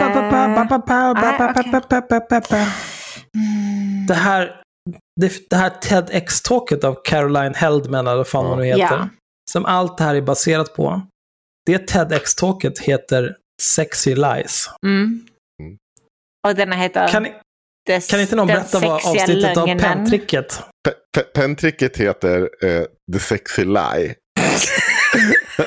och nu heter alltså avsnittet Den sexiga lögnen. Ja men Och hon shit, alltså- vänta. Begärde inte Sissi att alla avsnitt av penntricket togs bort för bara bort, typ en ja. vecka sedan? Nej, det, Åh, det var nej, tid- vilket sjukt nej, nej, nej, nej, hörru. nej, det var tidigare faktiskt. Men Ja, det var folk uppmärksammat det först för någon vecka sedan. Åh nej, det måste ju varit Men, helt sjukt. men ju tidigare, ju tidigare det var, ja. Desto värre är det ju för Cissi. För det betyder att hon visste att Hon hon, har skulle penntricket penntricket hon har när suttit hon och gör den här lyssnat igenom skiten. penntricket och bara recreatat det med Unni istället för Natasha. Jo, men det är också så, du, hon har ju tagit bort det här äh, inlägget från, alltså man måste ju hitta det via catchade grejer. Vi har ju fått tag på det, catchat. Hon har ju tagit bort, Cashat. man kan ju inte, äh, cashat. Man, man har ju tagit, det finns ju inte kvar på gardet när hon helt plötsligt försvarar. Så att hon hoppar ju bara fram och tillbaka i den här åsikten. Ja. Som en jävla vindföje med, vem hon sitter bredvid i en podd. Eh, Men det är ju också en sak som är viktig att tänka på här också. Ja. att Den här, det här TED-talket, TEDx-talket. I det avsnittet av penntricket. I, I det här avsnittet med av Wallin och Drugga, eller vad fan deras pisspodd heter. Ja. Då är det ju Cissi Wallin som tar upp det och pratar Mm. om det. I avsnittet av penntricket. Sen Natasha. Ja, ja, ja, det är det. Det är det. Det är det. ja. Så liksom, Cissi Wallin gör en podd med en människa som inte är helt jävla dum i huvudet, som skolar henne i hur saker och ting går till. Eh, och sen råkar de i luven på varandra för att Cissi är en jävla galning. Antar jag. Mm. Jag, jag har ingen insyn, men jag, jag, känner, jag känner Cissi. Jag känner Ja. Cissi. Eh, och nu, eh, några, något år senare, två år, något sånt. Nej, ett Då ska Ja. hon ju, ett, ett, år, ja, ett år, två år, whatever. Ja. Men nu gör hon samma avsnitt igen. Men nu ikläder hon sig den här mentorsrollen. Så här, vet du, jag eh, såg ett sånt himla spännande TED-talk, förstår du. Alltså hallå. eh,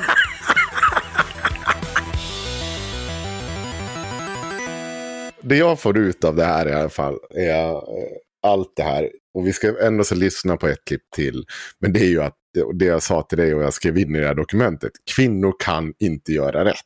De kan Ja. inte klä av sig nog, de kan inte klä på sig nog. Utan Nej. allting är fel. Och det, ja, jag tror aldrig den insikten har slagit mig så hårt som när jag lyssnar på de här två människorna sitta och berätta hur kvinnor ska vara. Och jag var verkligen insåg att bara att ni ska sitta och berätta hur kvinnor inte ska vara samtidigt som ni säger att det är en feminist, att de ska få vara som de är. Det, det, här är och kommer alltid vara dilemmat så fort, så länge kvinnor inte får vara fria. Att vi kommer diskutera, ska de ta på sig eller ska de ta av sig? Istället för bara att låta kvinnor göra det Men utan att diskutera det. det. Det gjorde mig så här fundersam på. Jag satt och tänkte på det här. Ska vi någonsin kommentera en kvinnas kropp igen? Egentligen borde man ju inte göra det. Nu är Jag ju- kommer göra det. Jag, jag, 100%. jag, jag vet att vi är ju inne i det, det skrået där vi kommenterar olika politiska skeenden. Det kommer liksom vara lite svårt att göra en podd där vi kan prata om de här sakerna. Alltså prata, men, Nej, men, någonstans vill man ju inte bidra till att vara likadan. nej, men om jag två gånger i det här avsnittet kan håna Gustav Kasselstrand för att han har norra Europas största panna. ja, Då kan jag säga någonting om en kvinnas utseende också. Det handlar liksom inte om att det är en man eller en kvinna, utan det handlar om att det är en person som är en horunge och som ser, som ser lite efterbliven ut. alltså, Då kommer jag prata om det. Och, och det, är liksom, det finns ingen rasism eller sexism i det. Jag bara... Du ser ut som en jävla, jävla clown. Vad fan ska jag göra? jag tycker ändå att Unni har, Unni har ett svar på detta i podden. Alltså ni borde faktiskt kanske lyssna på det här avsnittet för det är så dumt att alla klockor Ja. i mitt hus stannade. Men Unni har ju ett långt utlägg om eh, att det är biologiskt betingat. För att så här, kvinnor bara är sina kroppar, de är sitt sexuella kapital, eller sitt erotiska kapital tror jag till och med att de använder. Eh, så att det är liksom så här att, ja men först var det ju att, att kvinnor var heliga och det var de som bestämde och det var ett matrilinjärt samhälle. Just det. För, att, för att kvinnor var de som födde fram barnen. För man fattar inte riktigt hur barn blev till. Men sen insåg man ju att men det är männen som sprider sin säd. Så att då blev det ju ett patriarkalt samhälle på grund av det. Ehm, Det låter som bullshit. Ja, ja det- det, är 110% bullshit. Men det är väldigt roligt när hon berättar det med sån total jävla övertygelse. Ehm, Det känns som att vi då borde fråga kvinnor bara Svanis. ett kärl, säger Cissi. Och att det liksom, eh, ja, jag vet inte, alltså det här avsnittet har så himla många pärlor i sig. Ehm, men ja, jag, jag vet inte ens vad jag ska säga. De har ju gett fel och jag blev dummare av att lyssna på detta. Men, eh, men tack för poddcontent antar jag. Jag vet inte. Vi ska ta en sista liten detalj i det här. Eh, eh, och det är för att jag tyckte att det här var sån... Det är någonting vi har sagt några gånger också till viss del. Men eh, det är om eh, personer som tjänar pengar på sin aktivism. Mm. Man behöver ju liksom inte leva i en värld där kvinnokroppens olika utseenden ska vara det man, man absolut mest fyller sitt flöde med. Nej, och det är det För jag det menar. Det måste finnas att- något annat bakom. Det ligger andra intressen bakom och man ska alltid följa intressena. Follow the money. Ja, faktiskt. För det, det, intressen ljuger aldrig. Det är klart att det här har ju blivit en industri som även, eh, även privata eh, Instagram-tjejer kan liksom få en hacka på. Ja, man tjänar ju pengar på det här. Man Ja, kan göra exakt. samarbeten och, och det har ju varit en väldigt stor grej att träningsmärken, alltså stora sportmärken, har ju Åh, på senare år då fattat ah, här finns det liksom en ny nisch. De har ju knutit till sig influencers som är då inte smala vältränade utan tjocka tjejer helt enkelt. Kroppsaktivister som då gör, får betalt för att samarbeta med Adidas eller Nike eller vad de andra stronger så här märken eh, och visa upp bilder på sig själva i deras träningskläder. Och det är väl, alltså, så här, ja, det är väl självklart att, att människor med alla kroppstyper gillar att träna. Så det, är väl, det borde de ha tänkt på för 20-30 år sedan när de började göra reklam. Det, det används som en... Alltså jag tror så här, när man, när man kan börja tjäna pengar på sin aktivism. Man, man kallar någonting för aktivism Mm. och sen kapitaliserar man på det. Då är det inte längre aktivism. Snälla Cissi, ditt att alla ska jävla as. gynna den också så att man ska få liksom anslag, statliga bidrag och allt möjligt annat för att, från, från, från övre högre nivå så att säga för att gynna och understödja den här aktivismen. Det blir också lite konstig aktivism eftersom aktivism handlar egentligen om att, att gå emot rådande system och, och bestämmelser. Liksom. Det Ja, blir men du kan konstigt. inte riktigt så här, du, du så här, knulla systemet, sen blir du själv, ursäkta men rövknullad av Adidas. Alltså Mm, det ja, men blir så här, jag är aktivism, fast nu fick jag en rabattkod här. Jag ska läsa vad... Jag hittade en artikel. Jag älskar att det är just Adidas hon tar upp. Ja. Det är så otroligt Vad bra. vad- vad- vad var det hon gjorde när vi kritiserade? Sissi, Sissi, vad är din kritik av Linnea Claesson? Ja. Hon sa ju det precis, hon blev rövknullad av Adidas. Vad mer vill du ha av henne? Det är ganska det är också- blatant alltså. Men det, det, är så, det är så en otroligt bra liknelse för att alltså, Linnea Claesson är ju halvnaken i var och varannan bild hon lägger upp på Ja. Instagram. Mm. Och jag är, jag är fine med det. Jag tycker, you do you fam. Jag är helt okej med det. det. Det enda jag har problem med Linnea Claesson det är att hon ljuger oavbrutet. Och Men- att hon skinnar oss skattebetalare på pengar genom att vara en girig jävla apa. Men jag också så här, Men, men, men det andra kör. skiter jag i. Nej, men liksom, hon- vill hon lägga upp bilder på sig när hon är halvnaken på Pride eller har ett enhörningshår, så här, fucking do it. You do you. Men Kör. Det är fler saker. Men hon är ju också sponsrad av Adidas. Ja. Och var, var, varför är det inte fel på henne om det är fel på liksom halvnakna tjockisar som är sponsrade av Adidas? men om kan de man, bara kan man inte tjäna pengar på sin aktivism då? Jo, Får man det inte lov kan att göra man. det? Det är klart man inte- kan göra det. det finns ett problem med att vi- vi, och det har vi, vi också diskuterade tidigare. Du kan inte gå runt, alltså, du kan inte dra runt, när vi gjorde IRM, jag gjorde IRM i åtta år. Jag har Mm. bara betalat för det. Jag har bara fått betala pengar för att driva IRM i åtta år. Till slut orkar man inte mer. Det, det, det funkar inte. Du kan inte hålla på så. Lägga så mycket, en stor del av din fritid och kos, kuska rand och rike runt. Och så liksom inte ta betalt för det någonstans. Nu var det ett aktivt val vi gjorde att vi inte skulle göra. Men de som sen kom och jobbade aktivt med oss, Myra, eh, Mischa, de var vi tvungna att betala. För du kan inte gå runt och ha det så här hela. Utan det är klart att pengar måste man kunna tjäna. Men, men det är ju skillnad att dra på sig sponsoravtal för smink, sportkläder, eh, olika typer av eh, skönhetsprodukter och sånt. Samtidigt som du sitter, de här eh, normerna är jättedåliga, så här kan vi inte ha det. Så springer du runt liksom och bara, ja, men har du sett alla de här svindyra smink och hudkräms, lotions som kommer göra dig så jävla sexig och snygg som den här och, och allt det här kommer, den jävla ouppnåeliga livsstil. Det är två saker som clashar. Det är inte Pengarna i sig nödvändigtvis som är problemet. Nej. Men Så- nej, ja. Så det är liksom så här, du kan... ja, Mm. Okej, så man är, man är influencer om man tjänar pengar på det. Nej, men en Om man tjänar pengar är man aktivist. Nej men, nej, men en influencer... Sen råkar det vara samma plattform. Jo, men en influencer, du kan nog säkert både vara influencer och aktivist också. Men du kan, du, du kan ju inte på riktigt, det- för att det vi säger som aktivist, Du kan det ju vi vara, om, du kan ju vara feminism, influencer och använda din plattform för Ja. aktivism. Ja, antifascism, du pratar om traditionellt kanske mycket vänsterfrågor. Det Men det är där- som Sara Larsson till exempel. Ja. Hon är ju inte aktivist. Nej. Nej. Hon är, hon utan är, hon använder sin plattform för aktivism. ja. Ah, okej. Och, och den kanske inte alltid håller ihop så jättesnyggt. Liksom, när nej, nej, men det är ju, hon kör ju. Ja. ja. Så man kan Och- inte tjäna allt för mycket pengar på sin aktivism utan att man blir influencer som använder sin plattform för Jo. aktivism. Jag, jag tror att vi skulle, nej men det handlar ju om vad du gör.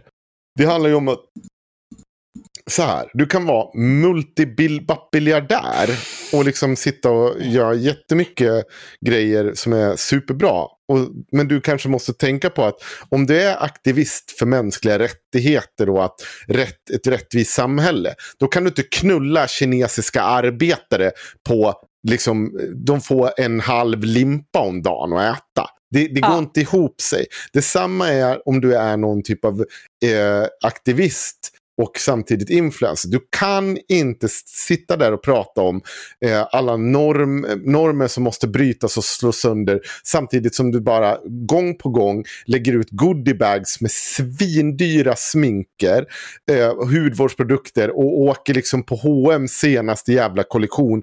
För, för du uppbär ju samma jävla liksom, normer som vi, någonstans Var vi inte vill en krossa. hycklare helt enkelt. Men var, nej, precis. Om du kan få de sakerna att gå ihop och fortfarande att du kanske gör, om du är Linnea Claesson så hade du gjort eh, fokusera på, om vi säger så här, du hade bara fokuserat på att eh, göra reklam för kvinnliga modemärken eller kvinnliga, eh, så, alltså, det är bara kvinnor jobbar. Då hade du kunnat vara där och toucha. Det är fortfarande kapitalism vi pratar om, även om det är Mm. kvinnor. Det kan ju fortfarande vara skräpkvinnor det också. Men liksom, då har du åtminstone gått åt det hållet samtidigt som du gjorde mode och liksom upprätthåll i princip basically samma normer som du påstår att du ska krossa. Ja. Men här, Cissi har ju liksom inte tänkt en tanke. Utan hon lyckas ju se emot sig själv, pissa på alla i hennes omgivning. Och liksom, det, det finns inga stopp mellan hjärna och mun. Det är bara Nej. en jävla Ja. rutschkana däremellan. Det finns Ja, liksom jag, inga jag älskar bara, faktiskt detta avsnittet. Det är så Ja. himla roligt. Det är extremt dumt. Gud vad hon gör bort Nu, sig. hörni, vi måste, Vi måste avrunda. det, Alltså. mm. Nu, nu, nu har vi spelat in i två timmar och 39 minuter. Ja, det här vi, var vi bara avsnitt tan- 84. tangera gränsen. Eh, om vi skulle publicera det här nu, 108, 128 kilobit, så skulle det bli exakt 150 megabyte. Mm, Ja. då gör vi det. Och det är gränsen för vad som går att ladda upp. Men jag hoppas att... Eh, ah, eh, det ska vad klippas vi, bort. vi, vi, måste, nej men vi, har en, vi, vi måste ha ett nytt namn för vår nya klippare. Eh, Inte klippa kvinnan, inte klippa pojken. du sa ju emigrantklipparen sist. Emigrantklipparen. Ja, det, sa stämmer. du sist. Ja. Ja, emigrantklipparen får lösa det här så att det blir under 150 meg och eh, rimligt. ja. Och jag tänker inte betala en spänn extra för att det är så jävla långt. Det skulle du tänkt på innan du tackade ja till den här skiten. Nu räcker det. Tack för idag. Tack för idag. Eh, puss och kram, kära lyssnare. Eh, nästa helg, ska vi spela Fall Guys med inför hela världen eller bara för våra patrons? Eh, vi kan ta hela världen. Vi tar gruppen. Gruppen och Patreons. Ja, okej. Ja. Vi gör så här. Vi kommer posta en länk till... Fan, det är bara, det är bara spelcontent. Alltså, Ja. det är inte ett intressant content. Vet du, Kör bara Axel? alla. Vi, vi kommer Ja, lägga gud. ut det här i gruppen Haveristerna 2.0 Klandervärda och på Patreon. Vi kommer återkomma med information för vi ska också spela in avsnitt. Så allt det här måste klaffa. Ja. Ja, Mm. Vi, vi, ja okej, bra.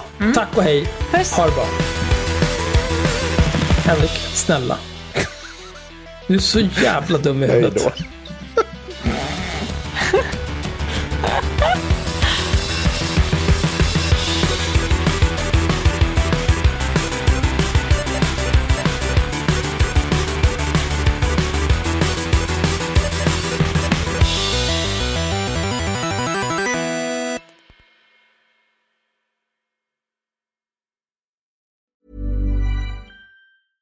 Ever catch yourself eating the same flavorless dinner three days in a row? Dreaming of something better? Well, HelloFresh is your guilt-free dream come true, baby. It's me, Kiki Palmer. Let's wake up those taste buds with hot, juicy pecan-crusted chicken or garlic butter shrimp scampi. Mm. Hello Fresh. Stop dreaming of all the delicious possibilities and dig in at HelloFresh.com. Let's get this dinner party started. Even when we're on a budget, we still deserve nice things. Quince is a place to scoop up stunning high-end goods for 50 to 80% less than similar brands. They have buttery soft cashmere sweaters starting at $50, luxurious Italian leather bags, and so much more.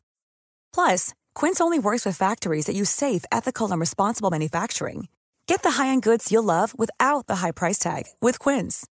Go to quince.com slash style for free shipping and 365-day returns.